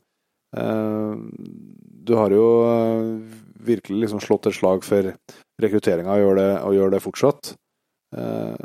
Og du var inne på at du ja, prøvd å tenke over de, de tingene som du møtte i, i din møte med, med jakta. og liksom, Vi vet jo alle på det skrekktallet på at 50% eller hva det er som tar jegerprøven, aldri kommer seg ut på sin første jakt. Mm. Mm. Eh, det, er jo, så- det er jo tall som, som burde holde nesten alle og oss som er glad i jakt, våken om natta.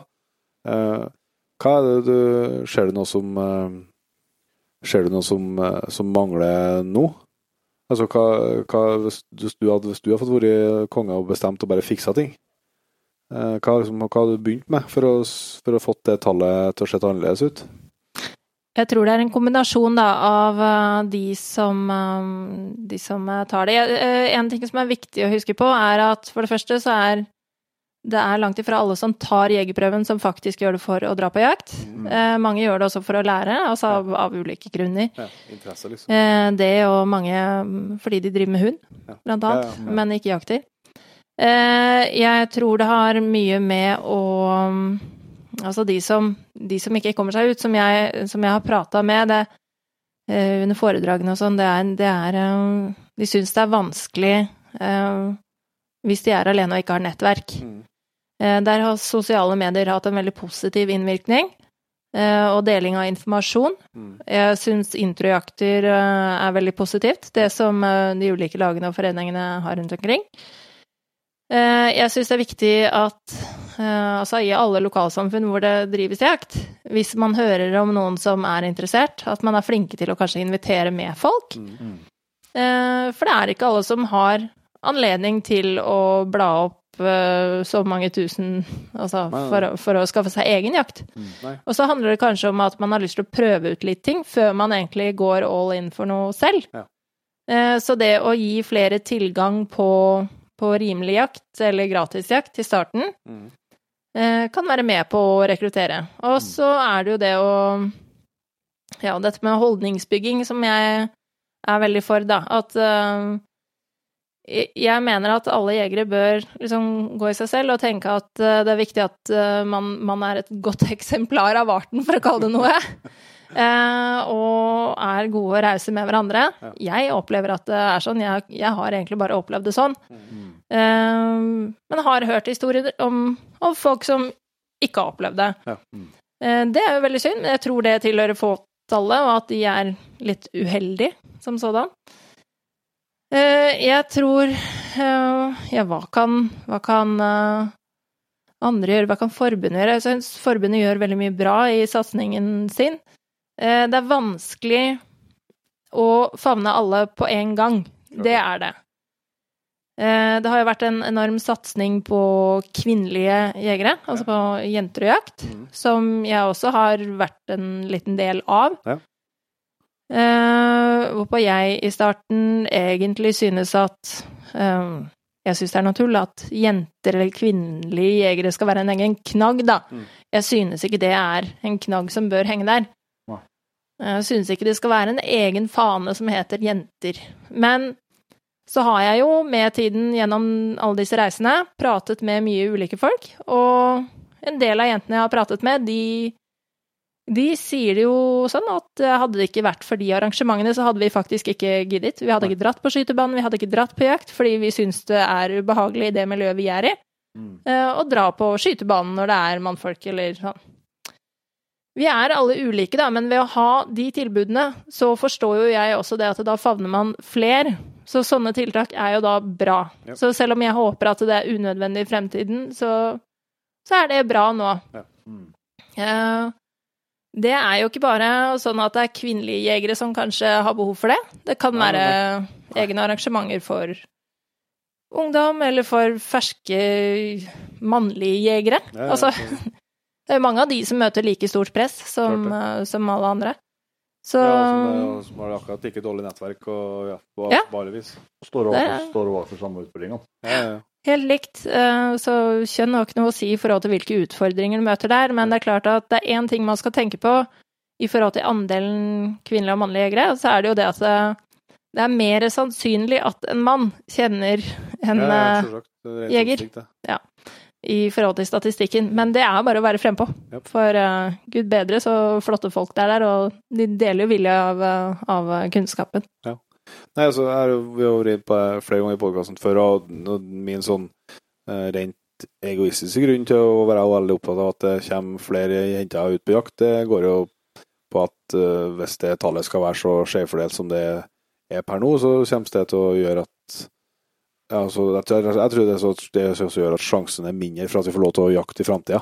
Mm. Jeg tror dess fortere vi kommer oss til 50-50, dess sterkere står jegerstanden i, i stort, da. Og dess mer eh, troverdighet har vi. Men, men eh, samtidig, jeg syns det er jæklig vanskelig her, altså. Eh, som du sier, om det bør eh, ja, være en egen fane fra et enkelt bilde på, eh, på det som går med på, på, på damer på jakt, eller om det ikke, ikke bør være det. For at jeg kjenner samtidig at det er litt sånn trist på et vis, eh, og klump i magen hvis det skal være sånn at, at du som eh, kvinnelig jeger da ikke kan bare være en jeger. Sant? Altså at du, hvis du tar jegerprøven og, og begynner å Så er du liksom jente på jakt. Mm. For du er jo ikke det. Du er jo du, du er en jeger. Som, som også, det, det, det, det, det er akkurat det er vanskelig greie, syns jeg. Altså. Ja. Men så må man jo også huske på en ting, fordi jeg ble jo, kall det, fornærma da jeg fikk tilbud om Eller jeg fikk tilsendt en link, da, med sånn eh, Utvida jaktopplæringskurs for kvinner, var det jeg fikk tilsendt. Eh, der starta for øvrig historien med duejakta, fordi det var jo en av de tingene jeg fikk tilsendt i starten da jeg maste på forbundet. Eh, hva kan jeg gjøre? Så fikk jeg jo tilsendt et, eh, et utvalg av, um, av ja, kurset og diverse. Ja. Og det var en av de, og den hang jeg meg veldig opp i. For jeg ble rett og slett litt fornærma.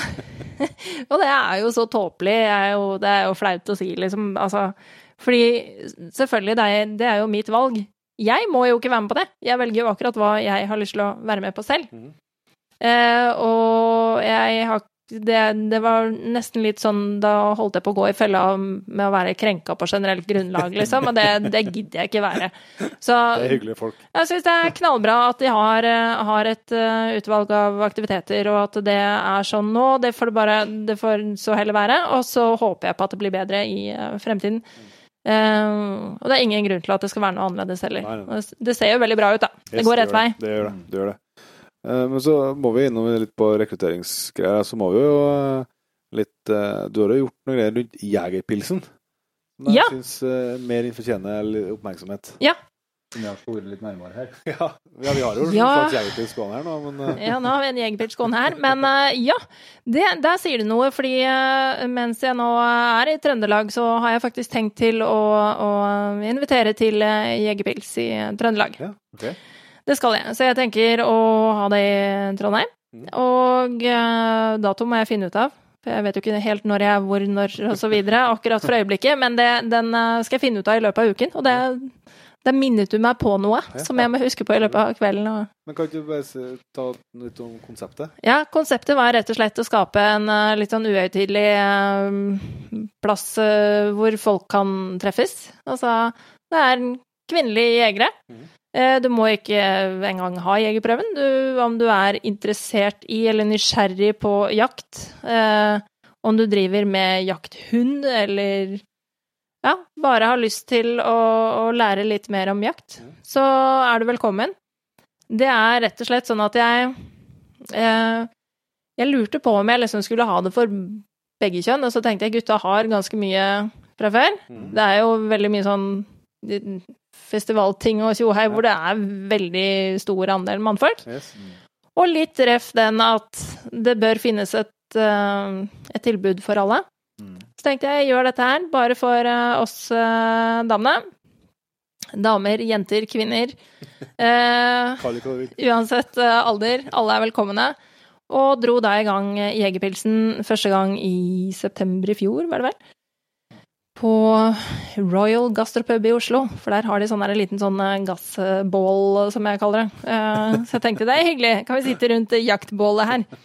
Og booka bord, eh, og tenkte at ja, det er jo en stor risk for at jeg blir sittende her alene. Eh, Jeg tror jeg satt der med sånn, der, sånn rådyrgevir på hodet. Sånn der hårbøyle med rådyrgevir for å være litt sånn ekstra synlig. Eh, Det kom 15 stykker. Så bra. Ja. Jeg tror vel andre gangen var det vel 24, og så var det vel 34 gangen etter. Altså det Kult. Ja, som liksom Da er det Jeg sitter der fra klokka fem, og folk kommer og går som de vil, og spiser og drikker det de vil, og man betaler selv for det man vil, liksom. Ja. Så det er jo ikke noe sånn Det er veldig lavterskel. Ja. Eh, Sosial arena. ja, det er sosial arena, og det som er morsomt, er jo at det har kommet veldig mange ferske jegere. Ja. Eh, men også mange erfarne, og eh, mange har også fått jaktmuligheter gjennom å være med på det. Og det syns jeg er utrolig kult. Og så er det Det er bare utrolig fine folk. Ja. Og da bygger man nettverk, rett og slett. Fantastisk. Nei, det synes jeg, så Når datoen kommer ut på det i Trøndelag og andre plasser for nye jegerpils, så er det bare å henge seg på. Ja, jeg må oppfordre, da. Fordi at jeg har jo jeg har lagt ut en oppfordring på dette før. Eh, til å la den ballen eh, rulle videre. Sånn Ja, ja. at eh, hvem som helst kan eh, arrangere Jegerpilsen. Og Hvis det er en virkelig, hvis det skulle være virkelig vanskelig, så kan du selvsagt arrangere Jegerbrusen òg. Hvis, du- Ja. hvis du absolutt må. Ja, Du kan drikke akkurat hva det er du vil. Men uh, greia er at eh, Hedmark uh, Jeg tror kvinneutvalget i Hedmark som arrangerte det. Ja. Blant annet. De hadde jo da en helkveld med liksom viltaften med øl til, altså ølsmaking og full pakke. Som hadde slått an veldig. Og vi har jo hatt i Drammen. Jeg oppfordrer liksom folk rundt om til å ha det, arrangere det lokalt. Jeg, det blir litt mye fyll hvis jeg skal dra rundt og ha Jegerpilsen rundt og med alle fylkene. Ja. Nei, men det jeg var veldig bra. Så jeg har tenkt å Stine, at vi skulle Jeg vet jo at du har hatt det litt som en del av både foredrag og hatt og, og har ha litt tanker omkring det. Dette med jakt og sosiale medier.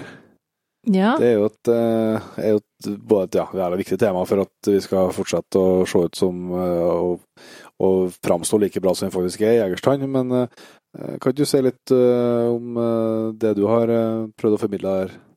Mm, ja. Eh, ja, der er jeg igjen tilbake til det med holdningsbyggende, da. Eh, jeg syns jo at det kan være en um, farlig trend, det vi snakket om i sted med om det skal virke som at man alltid får noe hver gang man er på jakt. Det er én ting. Eh, jeg syns, um, syns det er viktig å formidle virkeligheten, og ikke skape en sånn slags verden, illusjon om at Eh, hver dag på jakt er lik fall. Eh, at alt bare er rosenrødt til enhver tid. Det er jo veldig mange andre elementer som hører jakta til, som også er fint å få frem. Eh, en annen ting som jeg syns er litt viktig, er at det ikke bare er disse bildene av utstyr. Jeg sier ikke at det er feil å vise bilder av, av våpen og jaktutstyr, men hvordan skal jeg si det? eh, uten å virke fordomsfull, for det, det, er virkelig ikke meningen. Eh, men det der med at eh, Altså, hvis jeg sier ordet jeger eh, Det er jo i ferd med å endres, men ordet jeger før, da har i hvert fall jeg sett for meg en eh, gammel gubbe på en stubbe. Med sosiale medier så kan fort det bildet forvrenges til at det blir en uh, en eh, litt sånn macho-fyr på anabole steroider med veldig tøft våpen og mye optikk, altså fullrigga med, med veldig fancy utstyr. I den retningen som, som eh, ting kan gå, da, ja. i, i sosiale medier. Ja. Hvor vi er litt opptatt av at ting skal være eh, bra, perfekt, osv. Litt redigert. Eh, jeg syns også det er viktig å vise Eh, altså sunn fornuft i forhold til hvordan du eh, fremstiller dyr, da. Jeg syns det er like naturlig å se på et felt vilt som en kotelett på butikken. Jeg syns det er viktig at eh, og naturlig at folk ser hvor, hvor, maten vår kommer fra. Men du trenger liksom ikke å vrenge ut vomma. Altså, det er ikke et must, det. Og jeg, jeg, tror at det er noe folk tenker over, fordi at jeg ser at det er flere og flere som er flinke til å legge ut fine bilder. Mm. Uh, og også kall det altså bålkosen, altså den praten der, det er også en del av jakta. Uh, ikke vær så opptatt av at det skal være liksom full action hele tiden og være så tøft og røft, men, uh, men formidle det som er, er fint. Um, det er en annen ting som jeg har vært eh, litt ute i hardt vær for før, men, eh, men eh, jeg kan si det med mine ord, da. Altså, jeg syns det er en dårlig greie hvis man skal kombinere eh, lettkledde damer og våpen med den der gamle gubber. Altså, de to tingene der er ingen god kombinasjon. Og nå sikter jeg da til, kall det de eh, vi, sier at du finner det mer i sånne amerikanske profiler, kanskje, med med lettkledde piker i miniskjørt, eh, eller kamoskjørt, eller eh, kamo-tettsittende drakt, eh, som poserer velvillig veldig tett med våpenet sitt. og der må jeg si at da får jeg litt sånn derre Men dette her har jo ingenting med jakt å gjøre. Og det å se deilig ut med et våpen, det har ingenting med jakt å gjøre. ja. Det blir bare flåste, og det tror jeg alle er enig i. Jeg har aldri prøvd å jakte med miniskjørt, men uh... Nei, det har ikke heller. Og det tror jeg du, spesielt du Inge skal lette være. Nei da, men jeg har blitt, uh, blitt uh, skutt for dette før, holdt jeg på å si. Ikke bokstavelig, men, men um, misforstått litt på dette her før. Og jeg mener ikke jeg, jeg, jeg, har ikke noe imot at man deler bilder, og at det er det er masse flotte både menn og kvinner der ute som deler bilder, og det har ingenting med utseende å gjøre, for utseende er irrelevant når det kommer til jakt, men det er måten man fremstiller det på. Og det tror jeg at eh, folk forstår når jeg sier det. Mm. Uh, og det handler jo også litt om For meg så er det der med å ufarliggjøre uh, ufarliggjøre våpen, eh, i den grad man kan ufarliggjøre det, fordi det er ikke det, Våpen er jo ikke ufarlig. Men eh, jeg vil, i hvert fall som jeger, ikke fremstille våpen på en sånn måte at folk tenker at åh, altså tenker på drap og blod og liksom altså gørr. Mm. Eh, våpen er ikke noe som er tøft i mine øyne. Våpen er et verktøy Akkurat på samme måte som en snekker bruker en hammer eller en drill, ikke sant? Eh, det er et verktøy. som vi bruker for jakta. Det er en naturlig del i et bilde innenfor jakt, men det er ikke noe jeg vil liksom Ha som hovedfokus. Nei, eh, det er ikke, det er ikke hovedfokuset mitt. Altså eh, makten med et våpen, liksom. Det, det er ikke noe jeg ønsker å formidle. Det syns jeg er negativt. Um, samtidig så Akkurat som jeg verdsetter en god drill, så verdsetter jeg et uh, Ja, ja, ja. godt våpen. Ja, ja, jeg jeg syns uh, biler og verktøy og våpen er eh, like pent som et eh, godt eh, strikketøy, altså. ja, men det er eh, Jeg skjønner jo at folk har lyst til å dele bilder av, av våpnene sine, våpengarderoben sin. Det er, det er mye pene utsmykninger, det er mye pene våpen. eh, og det, det er ikke noe gærent i det. Det gjør jeg selv også. Men tenk, tenk, litt over hvordan man fremstiller man Ja. setter, ja. Ja, helt riktig. Mm. Eh, det er det. Og kanskje litt også eh, Ja, med tanke på, på det å være både mann og kvinne, holdt jeg på å si, at du ikke legger sex som et eh, Premiss for å premiss for det. Ja. Det, det føler jeg var en grei, helt grei kjøreregel. Jeg opplever ikke at det er så veldig mange norske profiler som, eh, som er der. Det er vel mer den amerikanske varianten. Ja, Eh, men Det starter jo gjerne en plass. Ja, det gjør det, og, og det er jo en trend som fort tar av, så det er kjekt å ha i, i bakhodet, i hvert fall. Mm. Ja, skal vi også, det har, jo um, begynner å se en del med jaktbiler nå når vi har stukket fram høvene våre, så gjør vi Petter i, i sosiale medier nå. Det, jeg må si jeg syns nå det holder på er atskillig bedre og bedre kvalitet over bildene som eh, legges ut nå, med både eh, litt uh, likere positur på dyret og mindre blod. og Mm. Ja, det Det virker er som en at ø- eh, økende kvalitet på, på bilder. Er veldig enig. Det virker som, og det tenker jeg jo sånn Det var en Frode eh, fra Norma som, som snakka med meg, som er for så vidt et veldig bra bilde på. Sant? At eh, Hvis en regner at det er, er 5 av eh, 5 av befolkninga som er jegere, Mm. eh, og så da vil jeg si at den siste resterende 95 de enten bryr seg veldig lite eller eh, er imot det. Mm.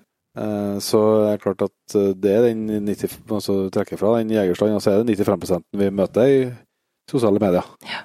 Eh, Og da er det viktig at vi, at vi har det i, i bakhodet. Ja. Mm. Og det er jo jeg har jo gått på og smella på det eh, som har vært godt, eh, godt eh, vist fram i, i media sjøl, så at, Ja, det er ikke at jeg, skal, at jeg er noe likere enn noen, noen her, altså, men, men det der med Og og det er og det, er, og det er, jeg blir sånn, Av og til så blir jeg litt sånn uh, usikker på det sjøl, for at uh, i og med at jeg har eh, Det med at, jeg sjøl har vokst opp eh, med både jakt og vokst opp på gård, og sånn at eh, en del av de tingene som, som er helt, helt naturlig for meg, som du ser liksom med koteletten i, i frysedisken, eh, det er ikke det for andre.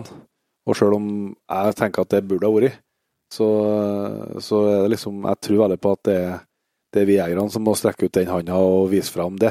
Vi får Mm. ikke vi får ikke det servert fra andre sida. Nei. Så Nei, det er jo var en, eh, en bra oppsummering. Og så har jeg en liten sånn, før vi liksom går inn for landing og litt sånn faste avslutninger, så har jeg en sånn eh, En sånn liten Du bonus skal, her. du skal gi på Tynnisen nå. jeg skal på Tynnisen. Ja. Nei, jeg tror ikke Tynnisen. Men eh, det kan være det er vanskelig å få det fram. Men eh, det som jeg er nysgjerrig på, at, Stine, når eh, nå sitter vi jo i Grøndalen og, og koser oss, eh, og da og så har vi med en gjest fra Bærum. Ja. Det er jo i, i, I min bok så er det Oslo, da. og, så er det sånn at eh, jeg opplever jo at eh, mye Oslo-folk er full av fordommer på vegne av sånne som meg, som Oi, oi, oi. eh, er født og oppvokst på, på bygda. Men, men altså, det trenger ikke være- å være- altså, ikke nødvendigvis å være negativt fortrengt framfor fordom, selv om man ofte tenker det. Men altså, man, man, man ser noen stereotyper. Ja. Og det har jo sånne som meg, da, flust av mot Oslo-folk òg. Mm. Og så eh, er jo det Noen ganger så stemmer det jo. så Typisk jeg ser for meg, sant, det er jo eh, dem som kanskje ikke er så opptatt av tilgjengelig jakt, sant, som kanskje er mer opptatt av at det er en viss form for status eller sånne ting. Det er jo kanskje noe av det jeg legger i det. Men, men du legger det til side da, og så tenker på, som som er interessant å høre fra de side, det er eh, For jeg er jo oppvokst med jakt og oppvokst i et miljø der det om ikke like vanlig jakt som ikke jakt, så er det iallfall ikke mye om å gjøre. Så er liksom til å høre hvordan, eh, liksom, hvordan er det når du er i et miljø som så i Oslo, da, der eh, det er langt færre jegere? Altså, langt, altså det det er mindre sjanse for at den du tilfeldigvis prater med, er jeger. Hvordan, eh, hvordan, liksom, hvordan blir det mottatt når du forteller om hva du driver med? Eh, det er veldig forskjellig, men, eh, men eh, det er underlig at du sier det, fordi jeg har eh, Av en eller annen underlig grunn så treffer jeg på jegere eh, på de rareste steder. Til og med i Oslo. Ja, eh, og jeg kan eh, nevne blant annet Vi snakket, snakket så vidt tidligere i kveld om caffè latte og, og ja. Vi er mett i fordomsland, vet du. Nå nå ja. Akkurat som trøndere har bart og drikker karsk, ikke sant? Altså. Oslofolk de, de sitter og drikker caffè latten sin på Yes, Frogner. yes, yes. Og mange gjør det, men så skal man ikke skue hunden på hårene, som det heter. Jeg var i, eh, i eh, byen, på Majorstuen, med mm, Hørte du det? Jeg sa Majorstuen, og ikke Majorstua. Den, Mm. den sirlig notert. Ja, ikke sant? Eh, og vi gikk tur, jeg og Ronja og eh, ungene og mine kjære, og ble stående utenfor en kafé eh, for å måtte inn og kjøpe en eh, kaffe. Og drikk, jeg, jeg drikker den svart. eh, men jeg blir stående på utsiden, for du er jo ikke velkommen inn med hund. Og på utsiden så sitter da en, eh, et bord med, med tre damer. Eh, flotte damer som, eh, som godt kan misforstås til å være den fine fruen fra Frogner, som man kan kalle det. Skal man tenke på fordommene. Eh, og de begynner å spørre om Ronja, om hunden. Og spør om det er en jakthund, og vi blir da stående og prate om, om eh, jakthund, for hun hadde hatt jakthund, eh, hun er en av de. Og eh, viste veldig stor interesse for dette, og ja Det ene førte til det andre, og plutselig så satt jeg og hadde en prat om elgjakt med en dame som satt og drakk caffè latte. Ja. På beste vestkant, ikke sant? Altså, det er ikke sånn at uh, Oslo-folk uh, bare løper rundt og er fine, fjonge fruer, men mange av de liker, uh, liker også bobler og, og caffè latten sin. Men de driver også med jakt. Det er klart det. Jeg føler at jeg jeg, jeg opplever jo å møte folk som er ikke-jegere, men som har et nøytralt forhold til det, stort sett. Det er det jeg møter mest av. Ja. Og de er gjerne nysgjerrige, og eh, det kan godt være at de har tanker de ikke sier høyt ut etterpå. Eh, men jeg opplever at de er De liksom aksepterer det. Jeg kjenner folk som har eh, ja, de, de litt mer private terrengene, Mhm. som også er fine folk. Når det er sagt, så er jo jeg litt imot akkurat den privatiseringen av eh, jakt, eller ikke bare litt, jeg er veldig imot det. Eh, men eh, men sånn er det nå en gang. Mm. Forhåpentligvis så blir det en endring på det i fremtiden. Men nei, jeg, den jevne Oslo-mann og dame er, er egentlig ikke så verst på det. Vi er ikke så fine på det som det dere tror. Det finnes ganske mye barske folk, og det finnes ganske mye fjonge folk og harryfolk. Og i det hele tatt, det er et, det er et lite Ja, Akkurat som i Trøndelag. ja, akkurat, akkurat som i Trøndelag. Det er et utvalg, og det er, det er mange ulike personligheter, og, og Nei, det er ikke sånn som dere tror, altså. Jeg skal ikke, skal ikke være fordomsfull mot det. Det, handler, det, er litt, det er ikke alle trønderne som går med bart og mokasin og skinnvest og drikker harsk. Altfor få. Nei. alt for få. Altfor. Alt for få. Nei da, men jeg kjenner jo at jeg kanskje bor litt på feil sted, da. Det gjør jeg i forhold til sånn både tilgjengelighet på jakt og, og at eh, Jeg tror jeg, jeg Det har jeg på film fra forrige dagen da Ronja tok eh, los på elg. um, som hun jo ikke skulle. For jeg gikk jo så etter uh, skogsfugl, og jeg løper etter henne og roper, ikke sant 'Ronja, Ronja!' Og så uh, Da tenkte jeg jeg må jo ta frem kamera, for jeg må jo filme mens bikkja da gjør ting hun ikke skal. Du skal jo uh, først og fremst trekke frem kamera når det skjer ting som ikke skal skje. Så jeg famler ned i sekken ikke sant? og liksom drar frem kameraet og, og opp med det, og løper etter bikkja og roper 'Å, nå, er- nå har bikkja stukket av', og da letter selvfølgelig den eneste orrfuglen som er der. Jeg sier høyt masse ord som uh, ingen trenger å høre, og uh, så begynner jeg å liksom skal forklare dette her på film. Og så sier jeg nei, nå har jaggu meg bikkja tatt uh, los på elgen og løper bort i lia her, og, og så stopper jeg, og så sier, sier jeg liksom til meg selv hva har skjedd med deg, Stine?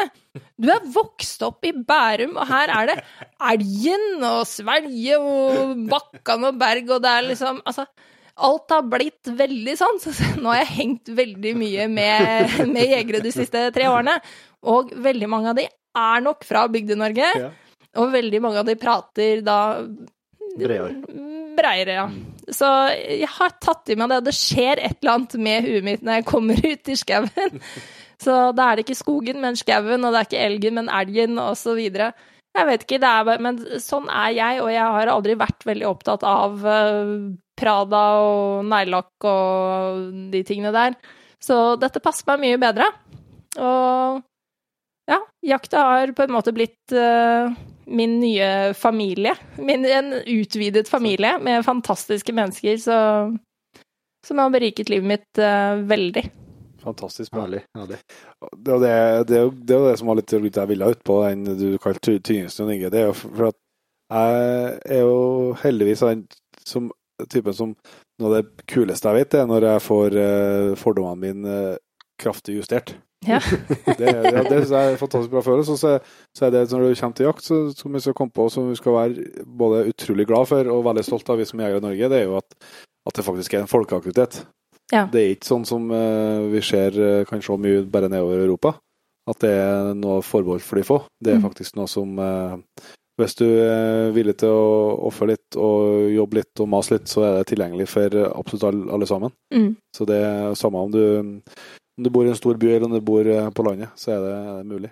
Uten tvil, uten tvil. Og det er eh, og jeg må si det, det er bare å kjøre på og gjøre det, rett og slett. Hvis Mm. det er noe du har drømmer om, og hvis du går med en liten sånn uh, jegeraspirant i magen, holdt jeg på og du går med en liten drøm om å, å lure på om du skal starte, gjør det. Fordi uavhengig av om du egentlig eh, hiver deg 100% inn i det og, og gjør som meg, eh, går all in, eller om du bare har lyst på den ene uken i året på rypejakta, eller øh, ja, hva enn. Det du får da med jakta, det er et eh, enda rikere friluftsliv, eh, som også byr på helt eh, nye typer opplevelser. Og jeg må skyte inn den derre, som jeg sa på forrige, eller siste foredraget jeg hadde. Har du noen gang tenkt over det, hvor heldig du er som jeger, når du klokken tre-fire står opp og går ut og setter deg på post, på bukkepost, da. Eh, og du ser den derre morgendisen som letter over myra. Og så sitter du og har alle sansene i høyspenn. Og det er litt sånn at alle insektene til og med, de blir liksom, det høres ut som sånn godstog som kommer flyvende forbi. Alle sansene blir så forsterka, og så sitter du og kikker og kikker og kikker og lytter etter den der elgen eller det der rådyret som skal komme, og du venter på en eller annen kvist som knaker eller noe. Kikker til høyre, kikker til venstre, kikker til Stopper på midten, ja, der står søren meg det svære dyret foran deg.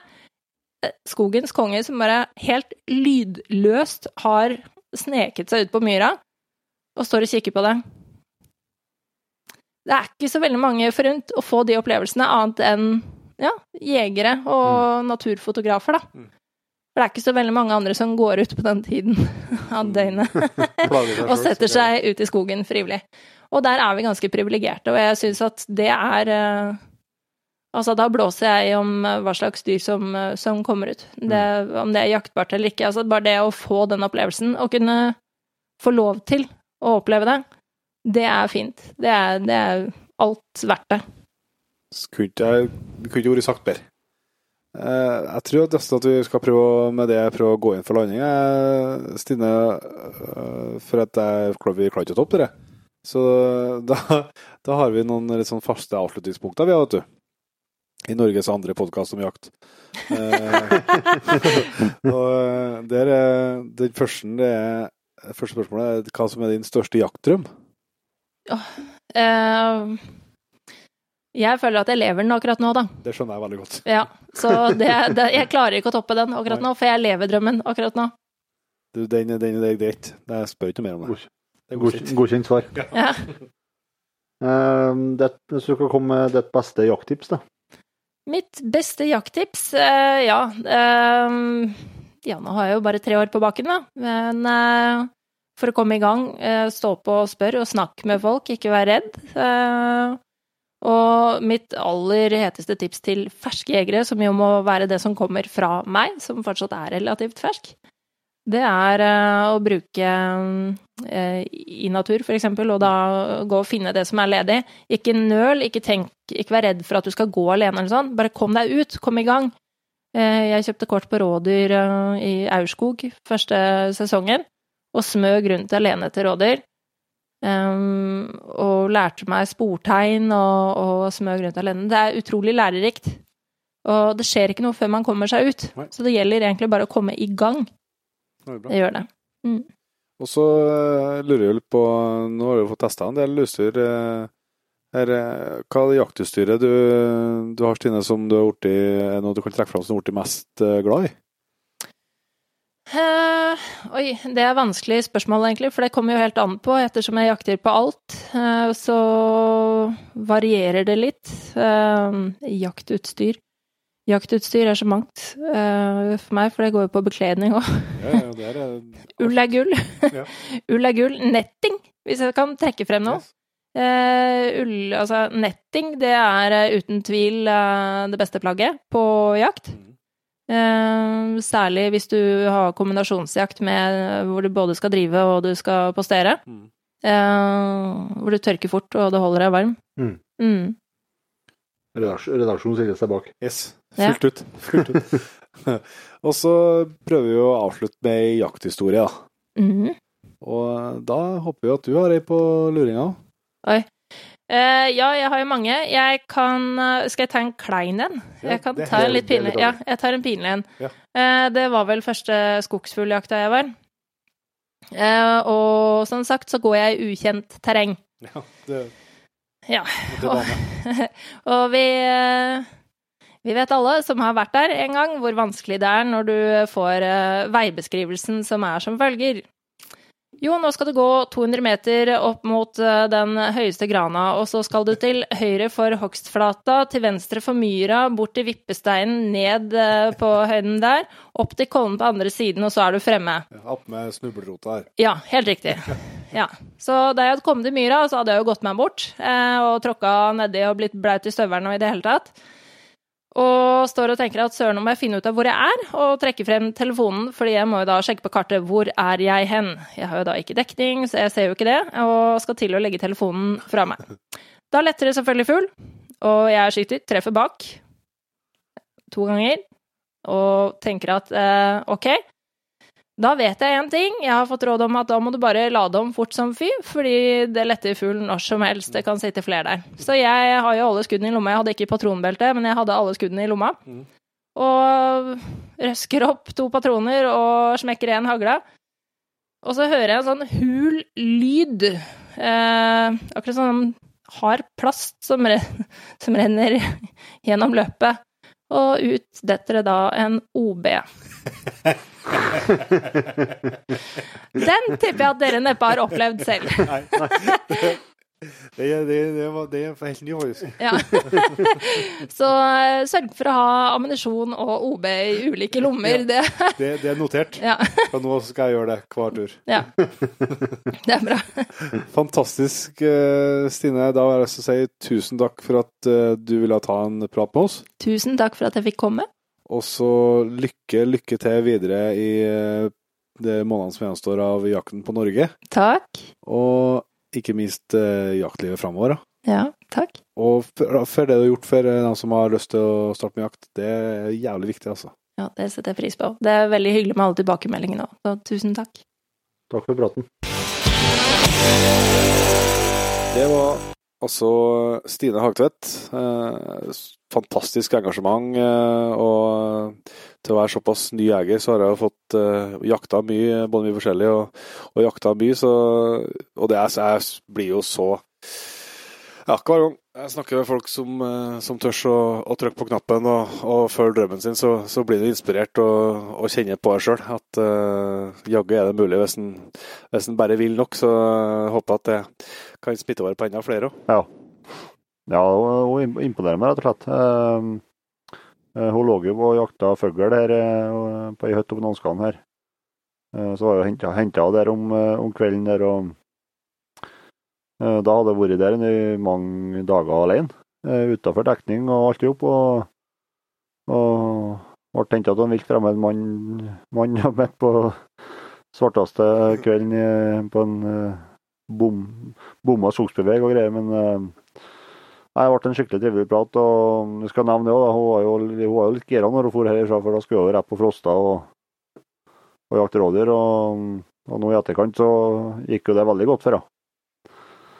Hun fikk jo Først fikk ja, først skjøt Arne rådyr for uh, første rådyret for den bassetten hennes, og så dagen etterpå skjøt hun ett sjøl for, for hund. Ja. For sin egen hund. Så det Da kom det noen tårer på Stine òg.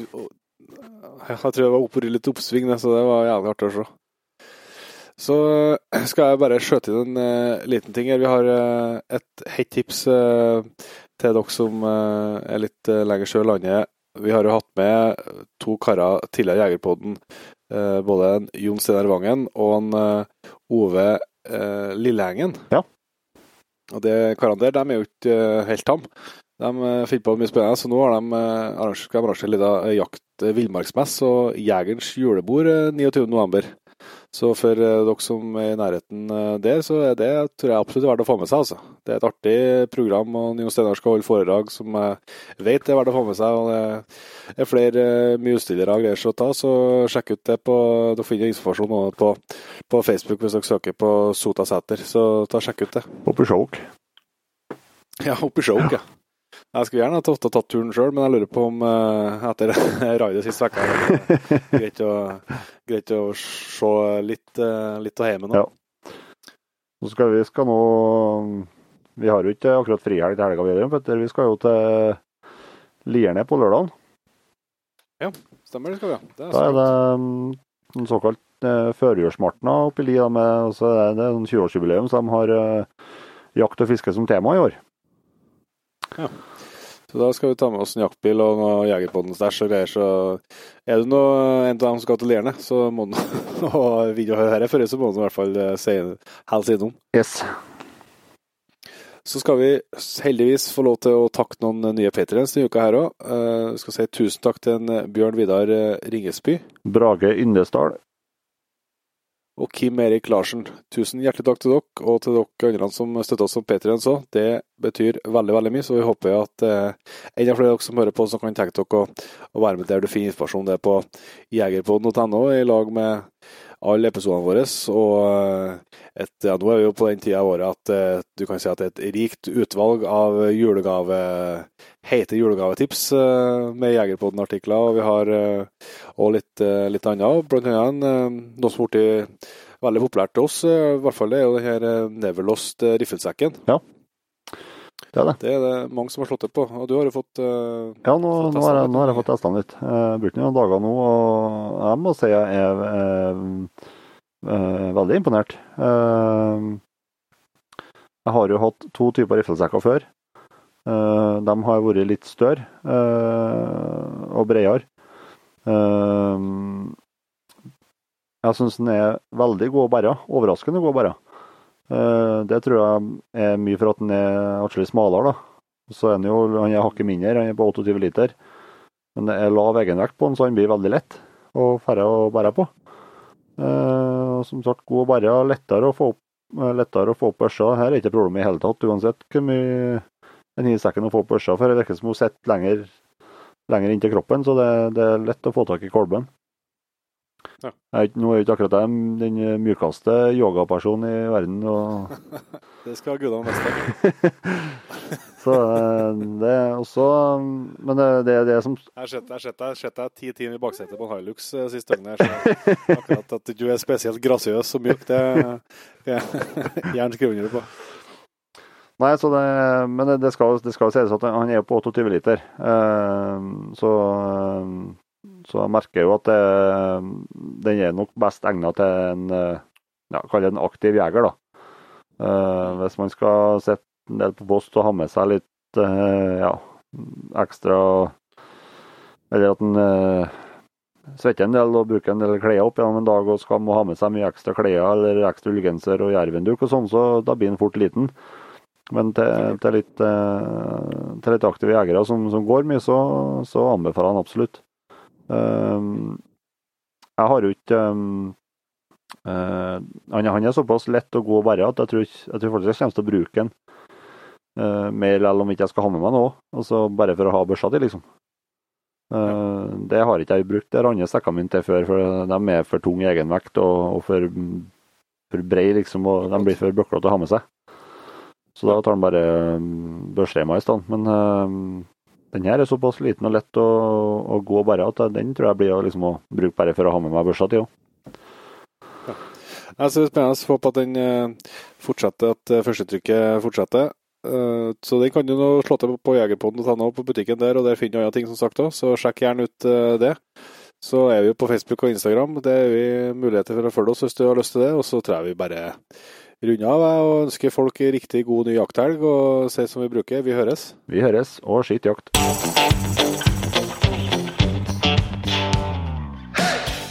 Tusen hjertelig takk for at du valgte å bruke litt av tida di på Jegerpodden. Sjekk ut jegerpodden.no eller eh, din favoritt-podkastspiller for enda mer innhold og flere episoder. Følg også Jegerpodden på Facebook og Instagram, og ikke minst, husk å fortelle alle gode venner, familie og tilfeldige forbipasserende om Jegerpodden, sånn at vi får spredd vårt glade budskap videre. Vi høres. Hjertelig velkomne til eh, en ny episode av Jegerpodden. Kanskje man bare skal kjøre hele Vært så mye, mye i Sverige nå, så kanskje man bare skal kjøre hele episoden på svenska. Jättebra. Känns hur bra som helst. Kan vi skal ha prøvd det, kanskje? Er du klar?